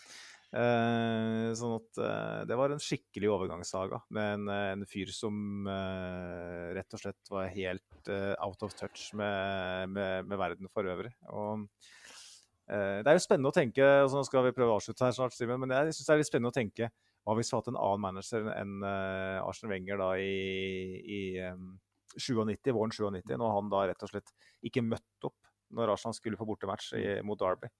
Uh, Arteta, hva hadde han gjort, da, bare for å ta et eksempel? Nå, nå jo, jeg tror vi kan vite det ganske klart og tydelig. Måten man håndterer en, en, e, et ego på den gangen, mm. og nå, det er jo annerledes. Mm. Selvfølgelig, ting har endra seg. Uh, men hvis Wenger hadde latt han uh, ta det flyet til Frankrike da, så hadde han vært ferdig som Arsenal-spiller, sannsynligvis. Og han valgte da å, å bygge den broa. Mm. Eh, og det endte med at han var en sterkt delaktig faktor, at vi vant til double, og at vi fikk henta Tiri Henry jeg tenker at det han gjorde, det, det, det, skal ikke undervurderes. Det var helt sykt viktig for, eh, for det, der vi faktisk er i dag. Mm. ja, jo, du kan dra den linja helt fram til i dag. Og, mm. og, jeg tenker jo når du legger opp spørsmålet på den måten der, så er det jo nesten umulig å si at det ikke går an å være litt mer pragmatisk og fleksibel enn det Arteta har vist seg å være i en del tilfeller nå. Mm. Eh, men jeg føler at vi vet enda ikke hva som er måte, det beste for Arsenal i denne, denne, delen av historien. Da. Altså, det var så mange omstendigheter som åpenbart spilte inn rundt måten Wenger håndterte det på. Bare den personen Wenger var, var jo det viktigste. ikke sant? Og eh, ja, han hadde jo høye krav til spillerne sine, men han hadde jo helt, en helt uh, spesiell måte å, å, gi spillere sjanser og, og tillit på, da. Mens uh, Arteta kanskje ser ut til å ha en, en litt mer sånn Hvis du først er utafor hans måte da, å, å, ønske at en spiller ter seg på, da, da, er det en jævla lang vei tilbake igjen. og det, det, er jo et kjempe Vi kunne sikkert snakka en hel episode om eh, ulike måter å håndtere på, på disse ulike personlighetene. Mm. Ja, det er en fantastisk ryddejobb uh, Arteta har gjort, og en kulturendring som man på sett og vis nå Igjen, dette er også en linje du kan trekke tilbake til Wenger. En kulturendring som på en måte da kanskje har fått lov til å, å vokse og bli et litt sånn stort sår i, i klubben etter hvert. Da, hvor det har vært eh, spillermakt eh, i altfor stor grad. Eh, men, men, selvfølgelig, noen ganger så, så er det helt riktig også å skape Eller bygge broer. Og mm. nå var det jo kanskje ikke sånn at uh, det var bare Anelka sin fortjeneste. Så Vi måtte jo da tross alt ha et, uh, et kjøpelag fra Madrid som var villig til å punge ut uh, var det 22 millioner pund foran også, som er en del av den ligningen der, da. Men ja, nei, det er for, forskjellige veier til rom, som de sier. Nei, det er det ikke. Det er egentlig bare Jo, alle veier leder. Det er mange, mange, mange, mange veier til rom, da. Men uh, mitt, siste, mitt, siste, shout i den forbindelse er hva skjer med Saliba? Det blir spennende ja. sånn sett. Ja, den er interessant. For han omtales jo i samme ordlagene, mm. uh, bortimot. I okay, sin så, posisjon som stopper. Så er det et slags uh, likhetstegn mellom Anelka og Saliba der, ja. Den er spennende. Den har jeg ikke egentlig sett har vært mm. nevnt, jeg. Men kul sammenligning du trekker opp der. Tenk å si noe mer om det. Vi, bare, vi, kan si noe mer om det om et par år. Ja, ja vi kan jo ikke spå, vi heller. Men uh, vi kan jo ha noen antagelser om, om hva som vil skje her. Mm. Mm.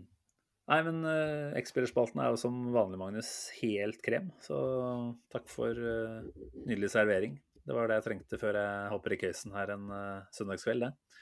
Igjen så håper vi jo på en god uke som kommer. Nå har vi fortsatt ikke bikka midnatt, så per nå så kan vi ikke si noe om denne magien som du etterlyser dukker opp.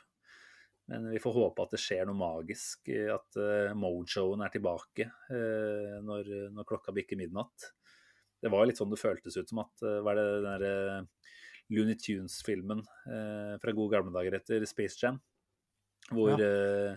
hvor hele Jordan-laget mistet Det var vel Bulls, ja mista evnene sine. Du føler jo at det er litt det som skjedde nå etter landslagspausen. Det, bare, det ble borte. Eh, kommer det tilbake nå? Det, det, det må vi jo bare håpe og tro.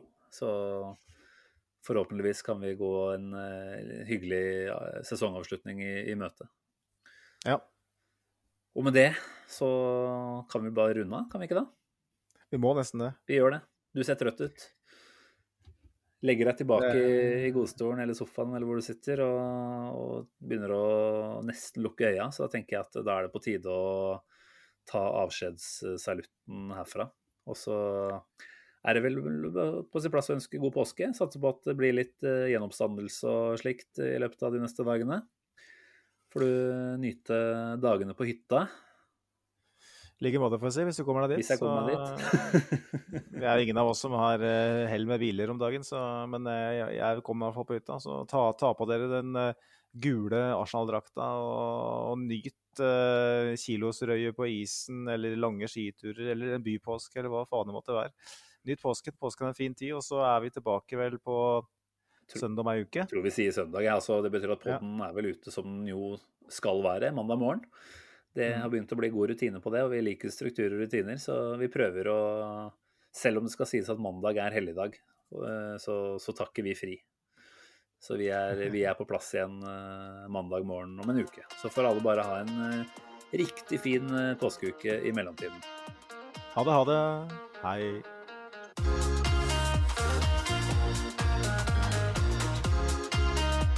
This train terminates here.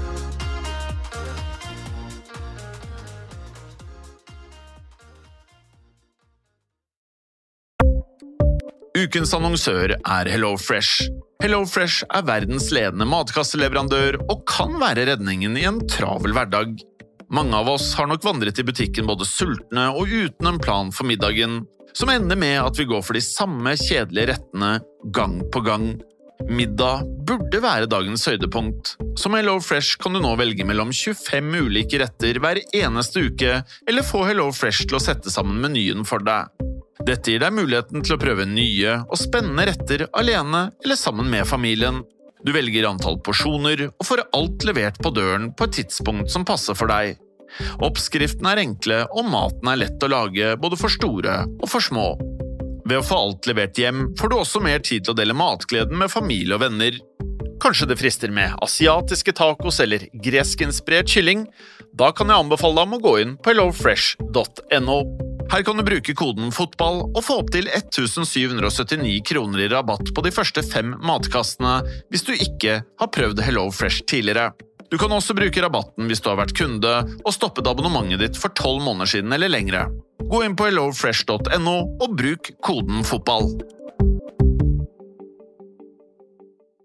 Har du et enkeltpersonforetak eller en liten bedrift? Da er du sikkert lei av å høre meg snakke om hvor enkelt det er med kvitteringer og bilag i fiken, så vi eh, gir oss her, vi. Fordi vi liker enkelt. Fiken superenkelt regnskap.